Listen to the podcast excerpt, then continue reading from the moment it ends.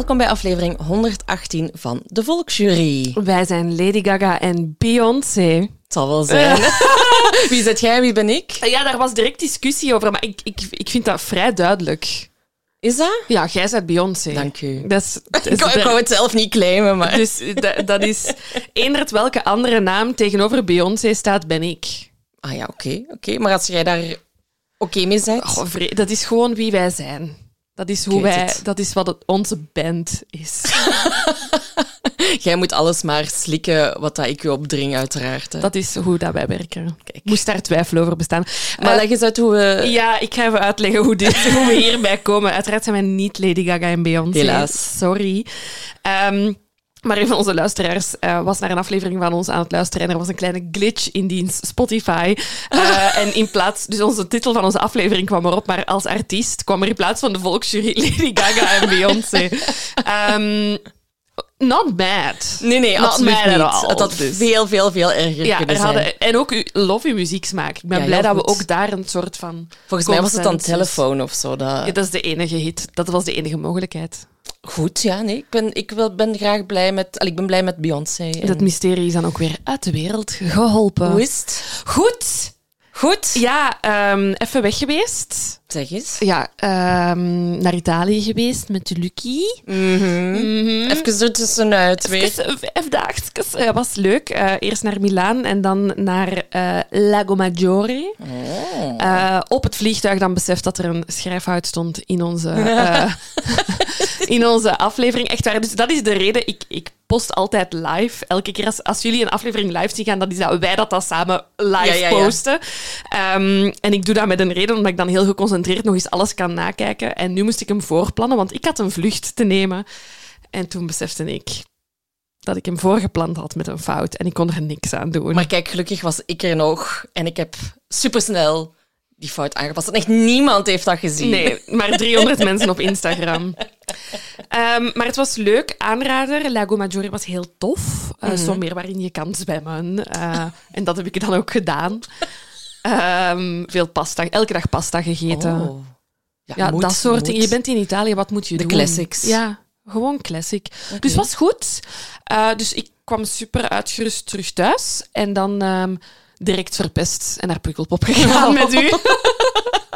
Ja, dat was heftig, hè, Pukkelpop. Ik ben dit jaar sinds lang nog eens combi geweest. Ook, Echt, die meid. ook door, door- dankzij mijn werk kon ik, eh, kon ik combi gaan.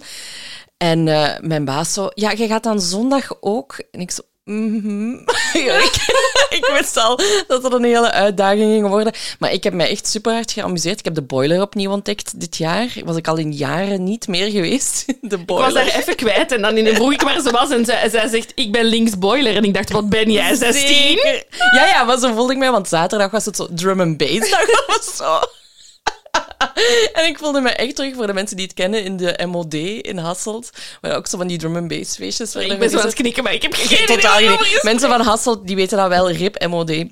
Eh, dat je zo met je rugzakje zo stond. te dan, ja, Ja, dat waren mijn allereerste feestjes, als het ware. Dat concept hadden ons in Brussel zo ook wel eens. Hè? Ja, de rugzakjes. De rugzakjes, dat was wel een blijven. Ja. Ehm, en dan eh, ja, zaterdag overleefd en dan zondag eh, terug naar daar. En dan om zeven uur Was de pijp uit. als 32-jarige toch beslist van mijn enkel begint pijn te doen. Ik heb te, ben te hard gegaan in die boiler. het is tijd om naar huis te gaan. Maar ik heb me echt goed geamuseerd. Het was echt het was Ja. mooi weer. Eh, ik wou zeggen, ik heb lekker gegeten, maar dat is totaal niet waar. Ja, wel, we hebben toch frietjes met, met, met curryworst ja, gegeten? ja, ja, ja, super lekker. Ik vind dat wel. Ik vind dat wel. Voor zo'n keer op een festival. Mhm, ja, ja, ja, ja, ja, ja. ja. Ehm, nee, dus dat was, ja, ik was ook echt kapot. Weer al, ja. Ja. het- ja, ik heb de Bomma-versie gedaan, want ik ben vrijdag en zaterdag geweest. Ehm, en we zijn op hotel blijven slapen. Maar ja, tuurlijk. Ehm, maar wel een mega find. Dus dit is niet gesponsord, maar oprecht. Ja, je gaat wel echt nu al moeten reserveren als je er denk ik, vol- ik volgend jaar wilt slapen. Wij hadden blijkbaar per toeval drie weken geleden was er net een kamer vrijgekomen. Mm. Het heet Maison Stout. Goeie naam. Het is echt zo'n villa kakelbond op 20 minuutjes wandelen van ehm, het festivalterrein. Oh, goed. B&B-vibes, mega gewoon bij het, goed behandeld geweest. Top. Topervaring. Dat was echt, dat was heel leuk. En ik was dus een beetje meer uitgerust dan. Ja, inderdaad. Ik heb Hotel Mama gedaan. Oh, heb je er een bookinglink van? Ja, dat gaat volgend jaar ook meteen vol zitten. sowieso, sowieso. Dat was ook wel leuk om nog eens bij mijn ouders Ja. eh, te zijn. Ehm, en voor de rest? Ja, wat, nee, ik wil nog weten, wat is het beste dat je hebt gezien? Oh, mm, ja, Billie Eilish was natuurlijk eh, goed. Ehm, ja, veel, veel drum en bass ik moet zeggen, ik was daar wel meer voor sfeer en gezelligheid dan muziek Ja, dit jaar. Dat is een eerlijk antwoord. Ja, dit is, dat staat hier bij mij Ja, als was, mijn eh, nummer één. Ik, ik, ik moet eerlijk bekennen, ik heb dat ook tegen u gezegd. Als ik de plaat opzet, dan vind ik dat wel goede muziek, maar ik voel er verder niet zo heel veel bij. Maar op het concert zelf dacht ik, oef, nu komt het wel binnen. Dus dat vond Ja. ik echt wel een goed concert. Ja, zalig. Ja, Niet jij hebt echt Lucas. aan het schreeuwen. Lucas, ja. nee, nee, nee. Ook goed op staan. Ik heb ook eerst Boy Genius en dan ja. Dus Lucas heeft ook gedraaid op Pukkelpop. Ik ben super trots op hem. Ehm, maar ja, de drie dames van Boy Genius hebben mij wel echt omvergeblazen. Ik heb geschreeuwd en gepleit ook. Ja, tuurlijk, terecht. Kan, ik. kan zomaar. Voilà. Verder heb ik eh, een super serieuze vraag voor u. Oh. Hoe zit het met uw TikTok en word jij overspoeld door Bama Rush filmpjes? Bama Rush. Nee, oké. You're not on that side of Nee. TikTok. Oké, dus ik weet niet waarom ze mij getarget hebben. Ik voel mij een beetje in een hoek gedreven. Maar ehm, in de Verenigde Staten kun je bij, eh, als, als jonge vrouw bij een sorority gaan. En Ik denk het dat ik er wel twee filmpjes van heb gezien. Enfin, continue. Ik... En, en, en dus de, ehm, de week voor of eh, de- het academiejaar begint, heb je Bama Rush. En dus je meldt je dan als meisje aan van ik wil bij een van die sororities. En dat is een hele week lang moet je bij al die huizen langs gaan en opdrachten doen. En uiteindelijk moet je, allee, moet je hopen dat je wordt gekozen voor zo'n huis. En dus ja, nu sinds TikTok er is, kun je dat allemaal zo volgen op TikTok. En die zitten allemaal op mijn For You-page uit te leggen welke outfits ze aan hebben en wat ze gaan doen. Ik, ik heb wel zo twee filmpjes zien passeren van, zo, van, die, van die sororities van meisjes die dan zo'n hele act doen. Ja, ja, maar dat is dus ook allemaal Bama Rush. Elke Ah, dag is er een ander thema en dan maken die van die TikTok-filmpjes daarvan. Maar ja, dat zit op mijn For You-page. Ik ben helemaal obsessed nu. Ehm, het mega secte-vibes. Ja, absoluut. Eh, en toen had ik gezien dat er dus ehm, een Amerikaans documentaire over gemaakt is. En die staat op streams. Dus dit ga ik, Oh. vanavond, ja, ik ga die vanavond kijken. I, Bama Rush. ah, Bama Rush ook gewoon. I will report back. maar graag. het, het is zo, ja, over... Ja, dat is echt een secte, hè, jongens.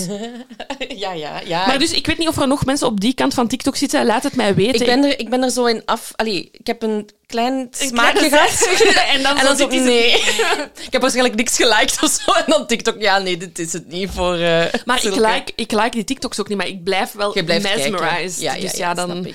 Ehm, maar dus echt een concept dat, dat, dat wij niet kennen. Ehm, want dus het einde, de laatste dag, moeten die dan echt rushen, lopen naar, die, naar dat huis waar dat die dan zijn toegelaten. En heel raar. Maar dus ja, ik ga de documentaire kijken, dat gaat mij sowieso veel bijbrengen. Ja, ja. Ehm, I will report back. Oké, goed. Heb je een tip? Ehm, ik wou eerst nog een update over Joost. Oh, ja, sorry. ik, ben, ik heb nog een paar losse vlodders waar ik het over moet hebben Ik eerst. wil wel ook even zeggen, voor je over Joost begint, ik ben echt super pissed op hem. En hij is momenteel bij mij persona non grata. Ik snap het, ik snap het. Ja, Bij mij jullie gaan direct begrijpen waarom. Dus ehm, weer eh, vorige, vorige week of twee weken, ik weet het zelfs al niet meer, ehm, weer geen Joost komen opdagen. En zo. Ik, heb, ik heb het op mijn socials gedeeld, dus mensen die mij daarop volgen hebben het allemaal kunnen volgen. Sorry, ik ben ook echt super judgmental aan het kijken, maar ik ben zo kwaad op die man. En dan wij zo, ja. Allee, ik bedoel, wij hebben het, ik heb de vorige aflevering verteld dat we een GPS-bandje hadden. Ja, niet nodig om te weten waar die jongen vastzit. Dus wij eh, bij de buren daar rechtstreeks. Eh daar door het eh, zolderraam gekropen, het dak op. Maar dat is ook zo gênant om telkens bij die buren te moeten gaan aanbellen en te zeggen van hey, we denken dat onze kat bij jullie vastzit. Weet je wat wel heel goed is? Je bent wel vrij zeker dat dat geen seriemoordenaars of zo zijn. Of dat die rare hobby's ik heb hebben. super lieve buren. Ja, echt. want je komt daar altijd binnen en je ziet... Allee, Ja, ja, ja. Als die ooit iets verkeerd doen, kun je echt zeggen... Ik had niks door, want ik ben er binnen geweest. En die zijn super hulpvol. Inderdaad. En eh, ja, bon, dan wilden we het eerst met ons tweeën doen. We waren al een ladder bij, de buren, bij andere buren gaan halen. Dan twee uur zitten sukkelen en dan zo zat ik op dat koerke. Allee, op, die, op dat muurtje. En dat is niet zo hoog, maar je moet die ladder dan pakken, over de muur trekken en beneden weer neerzetten.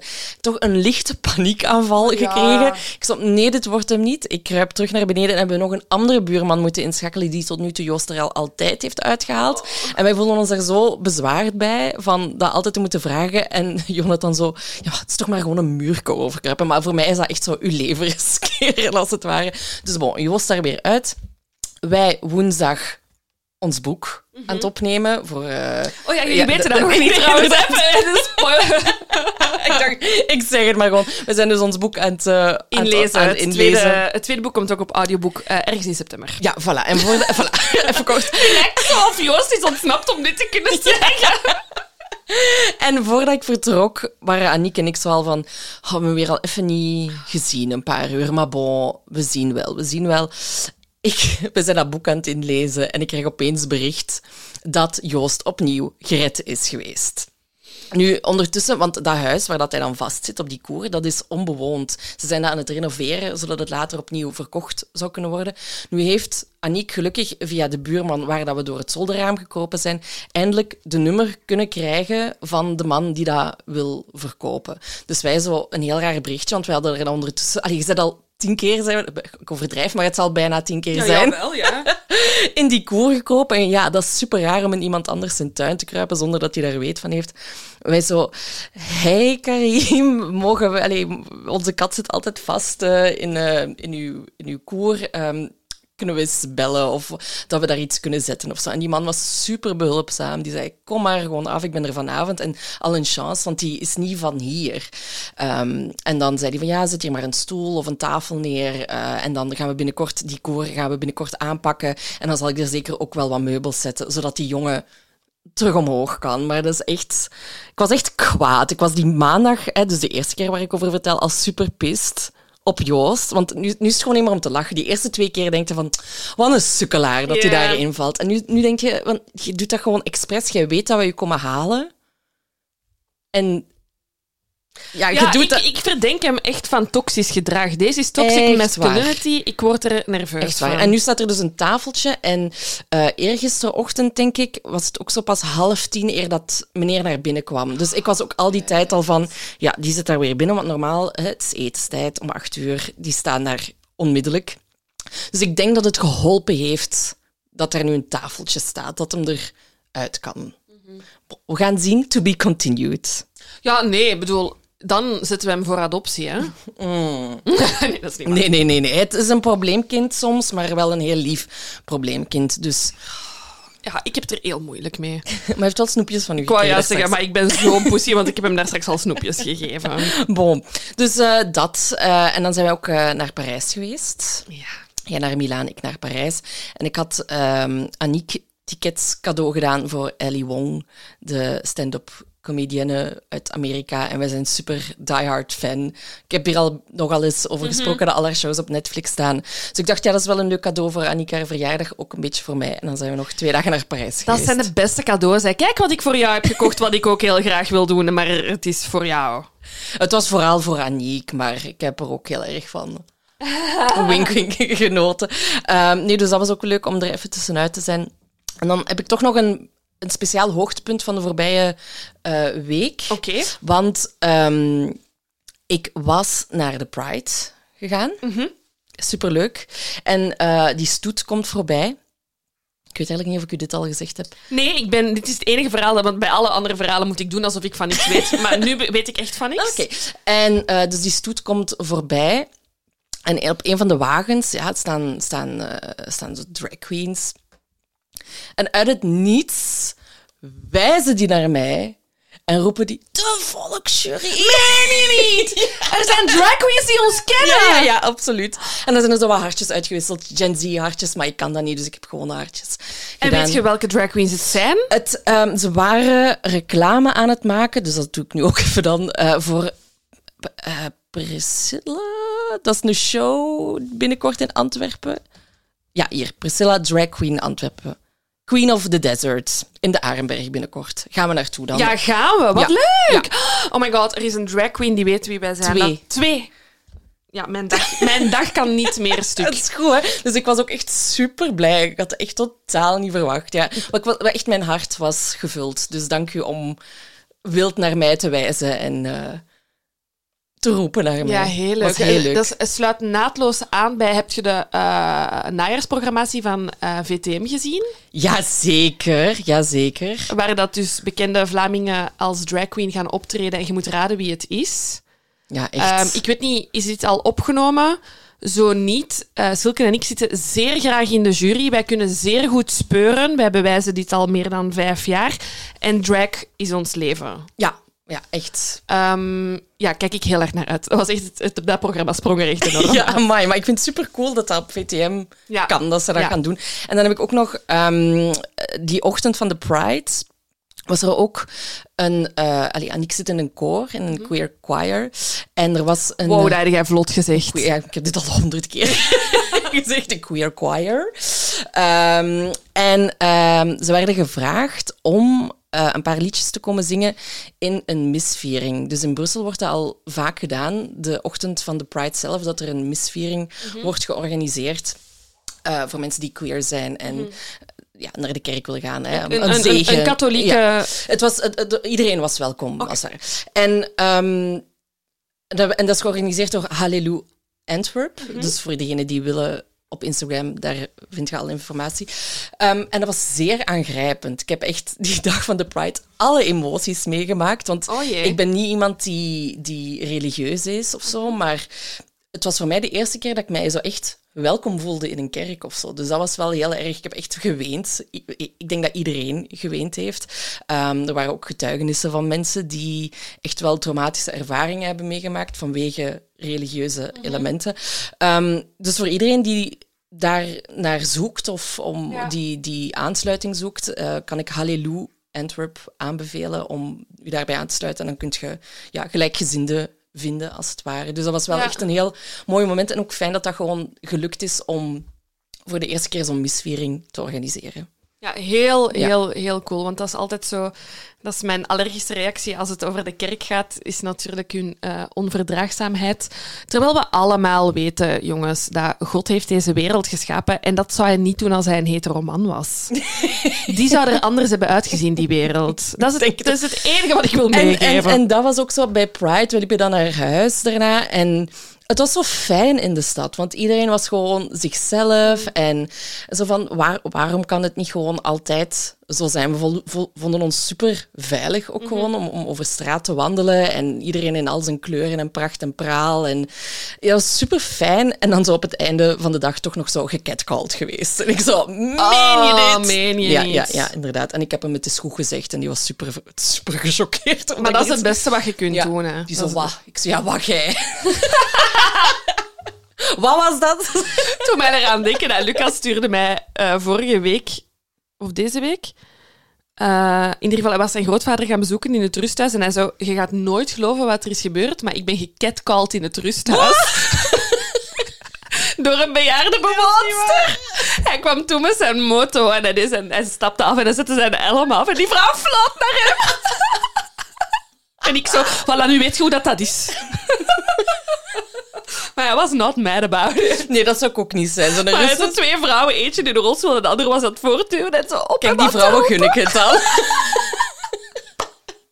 Kijk hoe, kijk hoe, hoe. Ehm, voilà, dat waren alle losse vlodders die ik moest eh, vertellen. Goed, ja, heel goed. Dus ik heb echt wel een paar leuke een paar leuke weken weken gehad, Ja. inderdaad. Ehm, ik heb inderdaad twee tips. Oh, ik ook. Ja. Twee tips. De eerste is op Netflix The Deepest Breath. Mhm.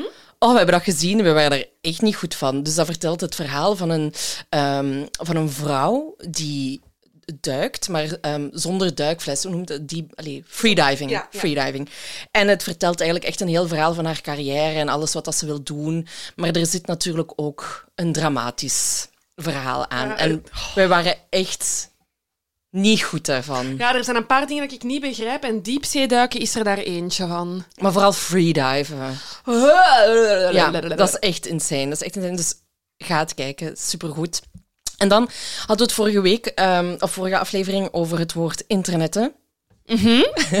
en blijkbaar, ehm, ik denk een paar dagen nadat we de aflevering hadden opgenomen, ben ik eh internetten de podcast en eh, ze zitten ook bij Dag en Nacht, Ja. eh, toevallig.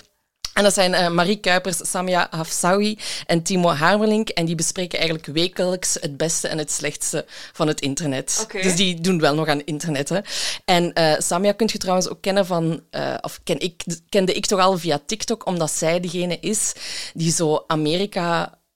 Zo Amerikaanse series en films, als er dan, dan zo Nederlands in gesproken wordt, dat Ah, zo ja. super slecht is. En zij doet dat op een hele grappige manier. Wijst ze daarop van, jongens, dit is niet goed. Zoals Dus- de laatste fail in Oppenheimer. Oh my god. Dus ehm, het, is wel, het is wel, als je zo eens niet op de hoogte bent van een feud op het internet, Daar dan bij zijn. internetten moet je zijn. Oké. Eh, ik heb twee podcast-tips. Ehm, ja, eentje is een tip die eigenlijk al honderd keer via jullie tot bij ons is gekomen. Dus ik heb er mij aan gewaagd. Eh Scamanda. Aniek, zieke fan van de podcast. Die was Ja. helemaal weg. Jij minder. jawel, maar het ding is, eh, ik, ik, had, ik had eerst die Believe in Magic geluisterd. Ehm, en zonder te veel te willen spoilen, waar dat je daar nog twee kanten aan een verhaal hebt, is het bij Scamanda, er is geen uitleg aan te geven. Hmm. Ehm, dus je hebt echt zeer slechte mensen op deze planeet. En dat vind ik, dat is wel altijd confronterend of zo. Ja, ja, ja, dat snap ik. Maar was het een Ehm, goede podcast? De podcast was heel goed. Eh, ik heb ook voor het eerst, omdat jij mij dat eens hebt gezegd, ehm, aan het zwembad in plaats van een boek te lezen, een keer eens een Ah, podcastaflevering geluisterd. En dat, was toch leuk? heel leuk. Ja, dus ik heb deze echt gebinged aan het zwembad. Oké, oké. Ja. Ja, ik heb hem... Ja, maar ik ben dan zo, dat verschijnt dan overal. En dan zo... ja, jij doet dat Ik, altijd, luisteren, hè? ik wacht daar nog even mee. Maar wat ik ook heb, is tegenwoordig is het allemaal scam, scam, scam, scam, scam. En Ja. ik ben een beetje verzadigd ook. Met de scams. Met de scams. Snap ik.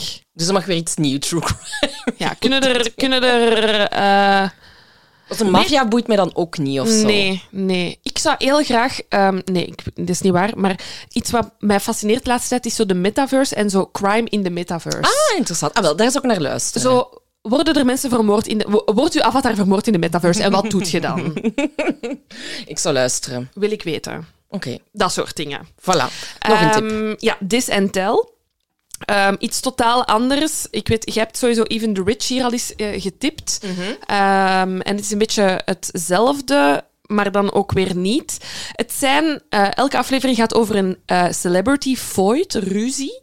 Ehm, zo van twee mensen waarvan je denkt, juist, die zijn kwaad op elkaar, maar hoe zat dat weer juist? Ik ga het eh, vanzelfsprekende voorbeeld van Hailey Bieber en Selena Gomez aanhalen. Eh, die zit erin. Eh, maar ook Azealia Banks en Grimes. Eh, Was ik ook totaal vergeten dat die ruzie hebben gemaakt. Hilarisch. Gewoon echt, ja, supersterren doen hele rare dingen. Ehm, ik, ken ook, ik ken ze ook niet allemaal. Ik denk dat er heel veel zo Amerikaanse, ook reality-sterren bij zitten. ja, ja. Maar zo degenen die dat mij interesseren, die luister ik wel. En het zijn heel twee aangename stemmen die heel leuk kunnen vertellen. Oké, Ehm, kijk goed. dus ik kan nu wel alles vertellen over de ruzie tussen eh, Justin Bieber, Selena Gomez en Hailey Bieber. Oké, ik heb er al via TikTok uiteraard wat van meegekregen. Ja, maar als ik echt een deep dive Als wil... je even diep wilt gaan, ehm, fijn. Ja, Leuk oké. Goed. Ehm, sponsor. Sponsor. Sponsor. Misschien moeten we daar zo'n jingle van Oh, dat zou wel leuk zijn, een jingletje. jingle. We regelen dat. Ehm, we worden weer gesponsord door AirUp. We zijn ook alle twee aan het lurken van Lekker onze. AirUps. En het eh, bijzondere is dat ik ehm, tegenwoordig uit een stalen fles... Oh, dat was ASMR. ASMR met AirUp. bon, ik heb dus een stalen fles vast. Laura heeft de plastieke eh, fles. En ik ben wel fan van deze roestvrije stalen van hoge kwaliteit fles. Ehm, want er wordt gezegd van ja, het houdt je drankje tot wel 14 uur koud. En dat is ook gewoon zo, want ik heb deze dus meegepakt naar eh Pukkelpop. Maar ik had twee flessen mee. Ik had één fles mee voor op de wei. En ik dacht, deze houdt mijn water koel en dat is ideaal voor straks in de wagen. Oh, op de, met het wagentje terug naar huis en ze nog koud water hebben. Exact. Ik dacht, ik ga het testen. We gaan zien wat dat er gebeurt. En ik kom terug bij de wagen en ik denk, mm, ja, toch een beetje dorst. En ik voel dat die fles wel warm aanvoelt. En ik denk, oeh, dat, Dat is niet wat er mij beloofd is. Nee, dat belooft niet veel goed. En ik slurp en ik... Oh, het is fris water. Het is niet ijskoud natuurlijk, maar het is wel fris. En Ja, je gaat het lekker laten bakken in je wagen. ja, echt ook zo op de stoel, zo waar de zon volle bak op kan schijnen. Ja, ultieme test uiteraard. En want je weet, bij plastieke flesjes, echt in no time is je water warm. Dus ik kan het wel echt aanbevelen van als je veel on the road bent en je hebt, je hebt water nodig en, of, of je laat dat dan ergens liggen of zo. Het kan, ik vind het wel echt een, een goede fles. Het, belooft. Allee, het geeft wat het belooft, inderdaad. Ja, eh, ik heb hem ook. Hij is direct geconfiskeerd door ehm, meneer Lucas. Ah. Het leuke aan deze fles vind ik ook eh, de manier om hem open te doen. Hij draait anders open. Ah, ik zie het. Ja, ja, ja. ja. Ehm, een enorme meerwaarde. Maar ja, het is voor mij een verre droom, want eh, hij zit niet in mijn tas, maar in die van mij. Hij wou niet de roze Arab. Eh, nee, en hij, heeft, hij is ook echt... Allee, hij is direct bij de secte. De één dag deze en hij zat direct bij onze secte. Het was direct Dus ook hè, als je dan een pot gebruikt, dan heb je alsnog lekker fris. lekker, een lekker fris drankje. Voilà. Goed, heeft Silke met haar ASMR jullie kunnen overtuigen om ook zo'n eh, metalen drinkfles te kopen? Wij hebben 15% korting op alle flessen, dus ook op deze. Die kan je verkrijgen op arab-up.com. En eh, onze promocode DeVolksjury15 is geldig tot en met 31 augustus. Voilà. En dan willen we nog eh, kort even iets aanhalen over een van onze vorige sponsors, namelijk Emma Sleep. Er zijn eh, de laatste tijd veel berichten op de sociale media ehm, de ronde aan het gaan dat er ehm, problemen zijn met leveringen bij Emma Sleep, dat de klantenservice niet ehm, reageert zoa- zoals het zou moeten, naar behoren. En de Nederlandse, eh, ja, is het een productie Programma. programma Boos. Ehm, die hebben zich daarop gesmeten. Die doen dat altijd heel goed en heel correct. Ehm, die hebben wat klachten verzameld, hebben wat mensen aangesproken. Zij hebben een eh, mailadres, opgestart samen met eh, Emma Sleep, die zich bewust zijn van de problematiek. Heb jij ehm, door een bestelling via onze code of gewoon door een bestelling to court leverproblemen, klachten die je graag wil delen. Ik ga even het mailadres meegeven ehm, waar dat jullie deze kunnen eh, naartoe sturen. Emma Sleep belooft ermee bezig te zijn. We vinden het ook altijd heel belangrijk dat de mensen met wie we samenwerken correct handelen. Um, dus als je klachten hebt, als je vragen hebt, als jij um, gehoord moet worden, dan kan dat op klanten.oplossingen.emma-sleep.com. Je kan deze info ook terugvinden op uh, de Instagram-pagina van Boos. Alright, ik heb mogen kiezen. Het is eentje die al lang op mijn lijst stond. Um, omdat er recent weer van alles over in de krant was verschenen. Um, en dan, uh, meestal ben ik dan zo de persoon van, oh my god, we moeten die volgende week doen. En gelukkig heeft Silke mij ooit gezegd, ja, of je kunt dat even laten rusten. En dan zijn mensen vergeten waarover het gaat. En dan is dat des te leuker als die eraan komt. Ja. Dus here we go. Hier zat ik al even op te wachten. We de zijn... excitement in haar ogen. Ja, maar dit is weer... Ik, ga, ik bedoel, voor de mensen die al lang luisteren, die kennen mij. Dit is mijn tijdsgeest, mijn leefwereld. Alles aan dit vind ik... Mwah. Goed. Hier gaan we. Het is donderdagavond 7 november 1974. We zijn in het hartje van Londen, in de Belgravia-wijk. Kende ik niet. Ik ken niks van Londen. Ja, oké, okay, maar je hebt wel al eens van Soho of Westminster, ja, waar het naast ja, ligt. Ja, het ligt dus ten westen van Westminster, daar heb je wel al van gehoord. En we zijn in de Plumbers Arms pub. Ja, vind ik een topnaam. Als ik ooit een café open, dan wordt het Dat. de loodgieter zijn armen. Bestaat trouwens nog steeds. Hmm. Dus staat nu op mijn lijst. En daar stormt die donderdagavond een vrouw binnen. Haar naam is Veronica. En ze zit volledig onder het bloed. Ze is over haar toeren en ze schreeuwt in het midden van de pub: Help me, help me. I have just escaped from a murderer. He's in my house and he murdered someone. Ja, een jingle zou wel goed zijn eigenlijk. Ik ben aan het nadenken. Ik vind het wel tof. Ik vind het een, een leuke...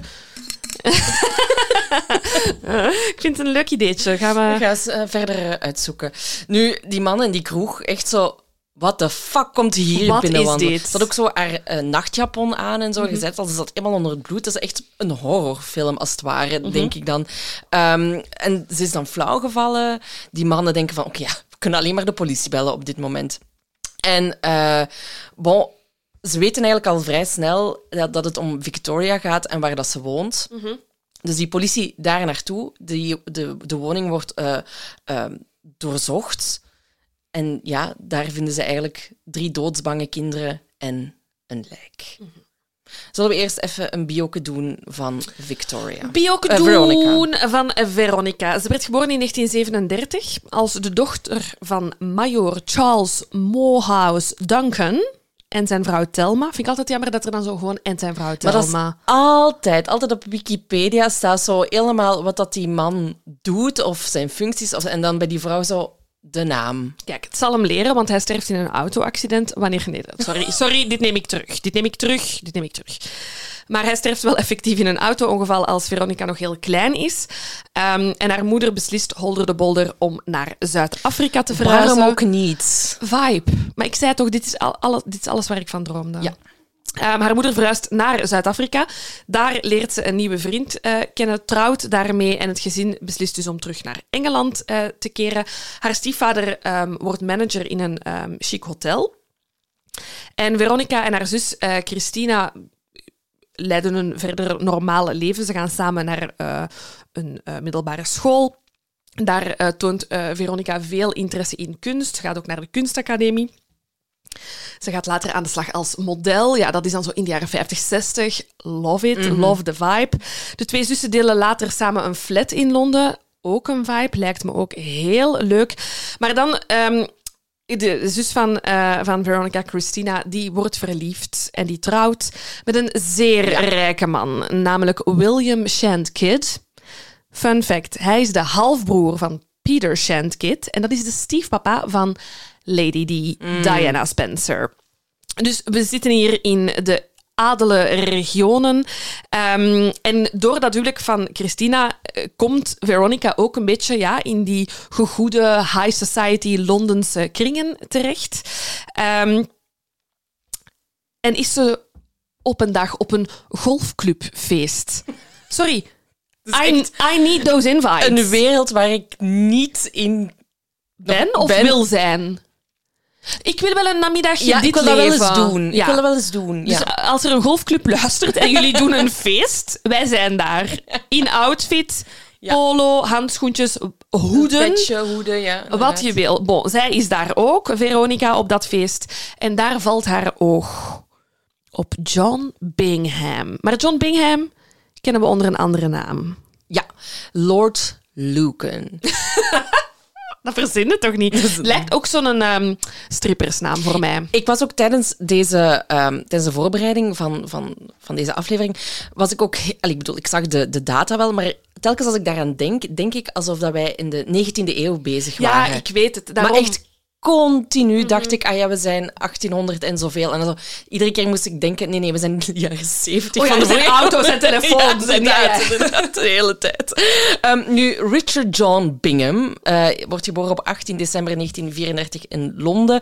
Eh, hij wordt vooral bij de naam John genoemd. In Marylebone, London. Sorry, ik, ik, omdat je zei, ik ken geen enkele wijk in Londen, ga ik nu elke wijk dat hier op mijn Oké, voorbereiding want ik had dat geschrapt. Ik ga dat niet zeggen. Marylebone, London.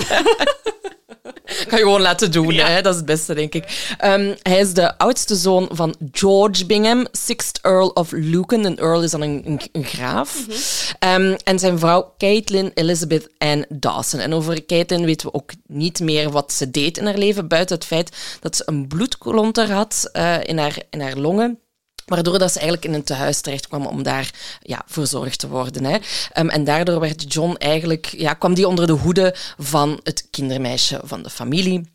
Nu, het is dan 1939. We weten wat er dan allemaal gebeurt. De Tweede Nee. Wereldoorlog.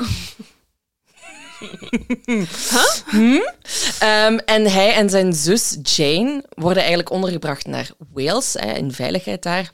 Maar dan in 1940 worden zij twee, samen nog met hun jongere broer en zus Sally en Hugh, naar Toronto in Canada, Canada, Canada overgebracht.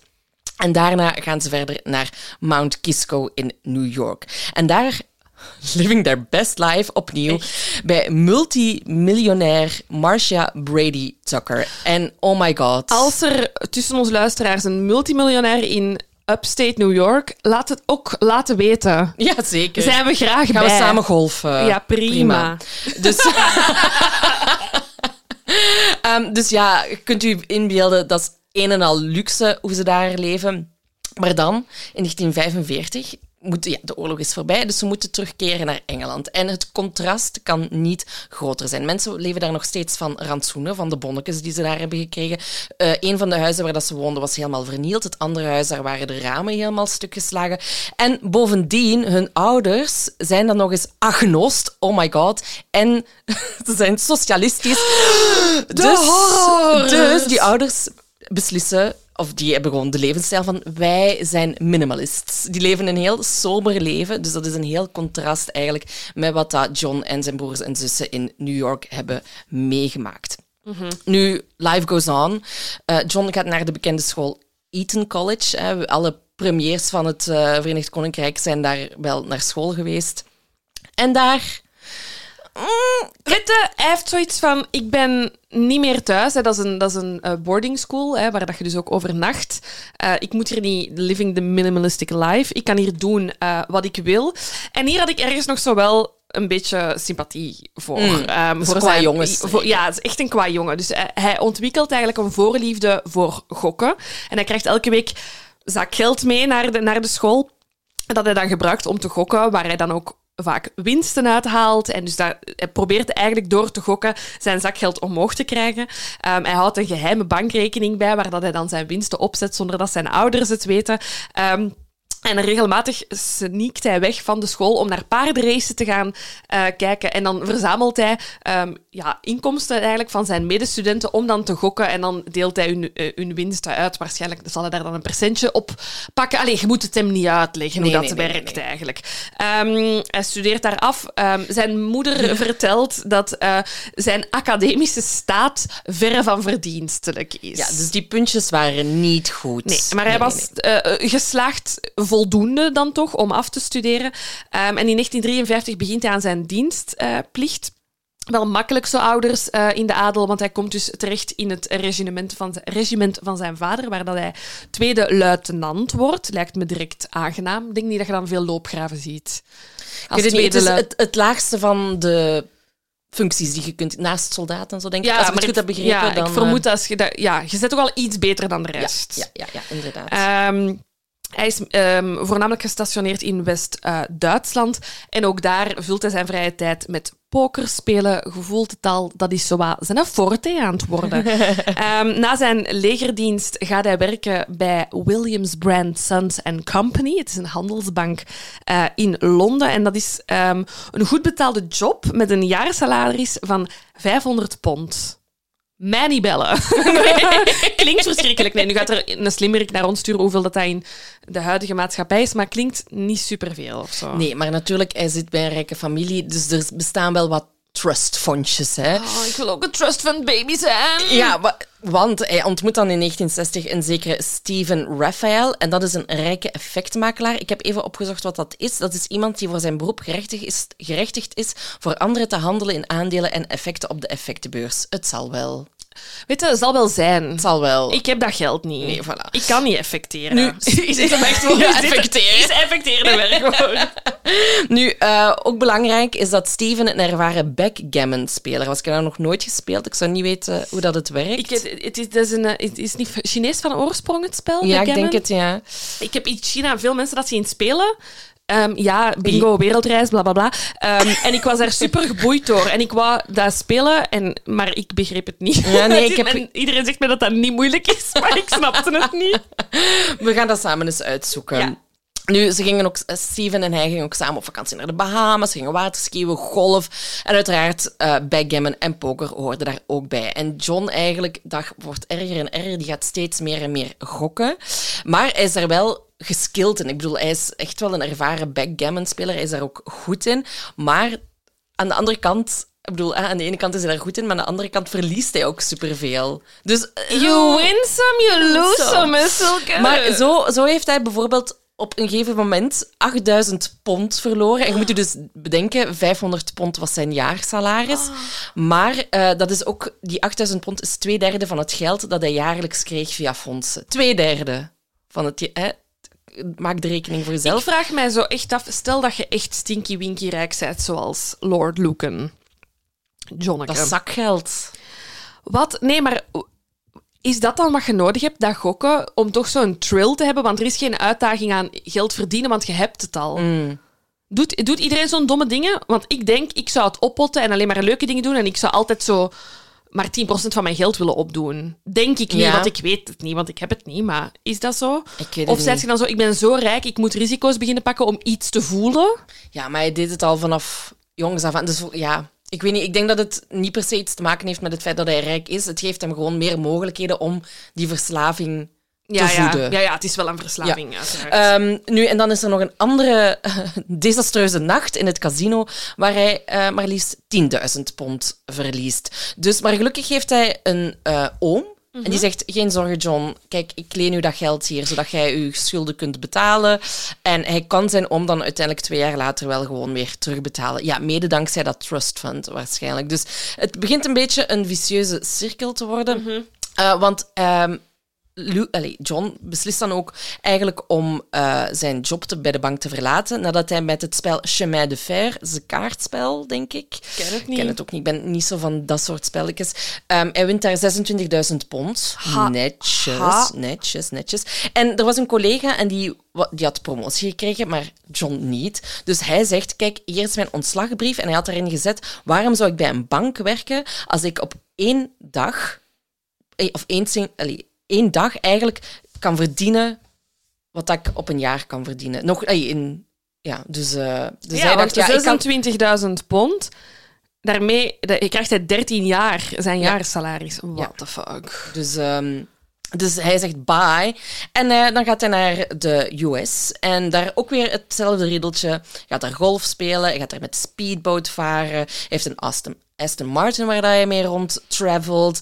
Ehm, hij gaat er nog Jane, zijn zus, bezoeken. Ehm, en dan uiteindelijk komt hij terug naar Engeland en beslist hij van kijk, nu is het toch tijd om een eigen appartementje te zoeken en verlaat hij Hotel Mama. Ja, en hij settelt zich. En zoals we ehm, bij Veronica al aanhaalden, in 1963 leren de twee elkaar kennen.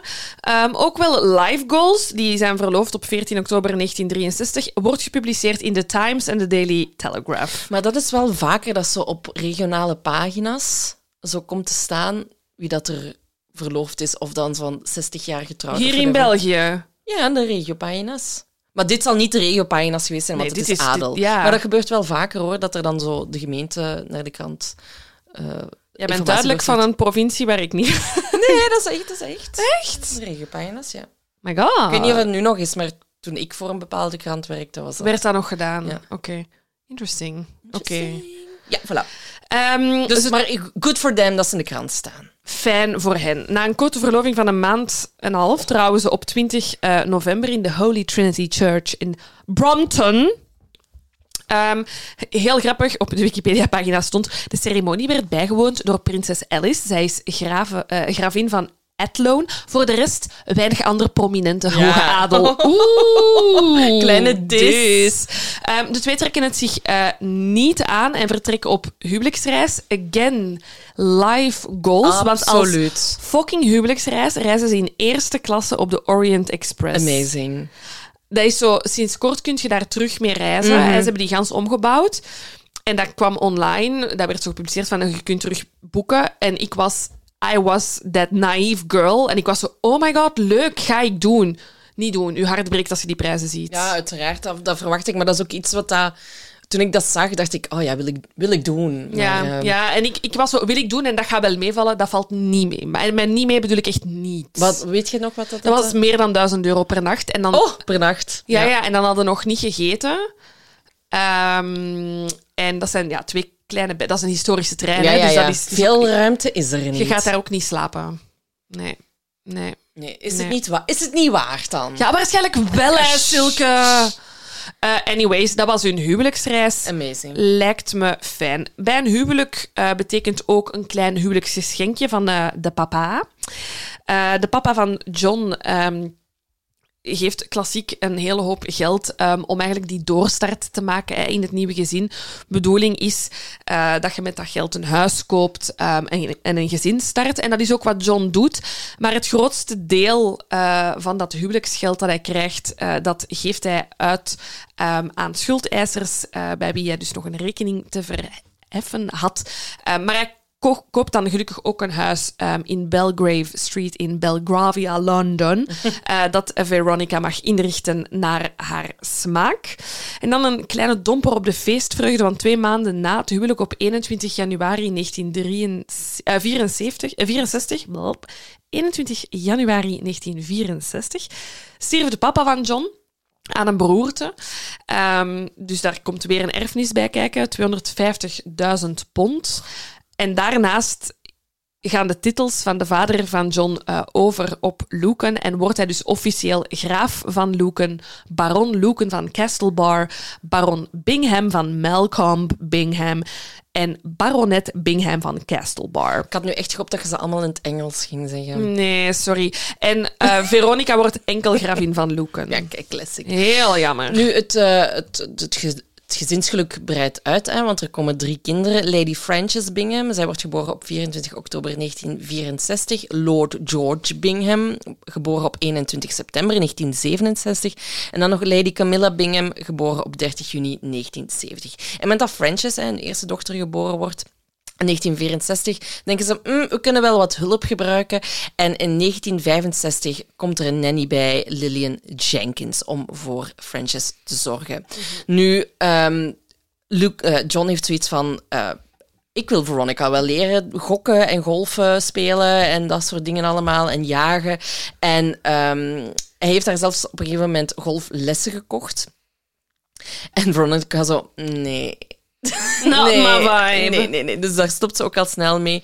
Um, en nu even een kleine bloemlezing van hoe dat John zijn dag er zoal uitzag. Ja, hoe ziet je leven eruit als je fucking rijk bent? Dus het ontbijt is om negen uur.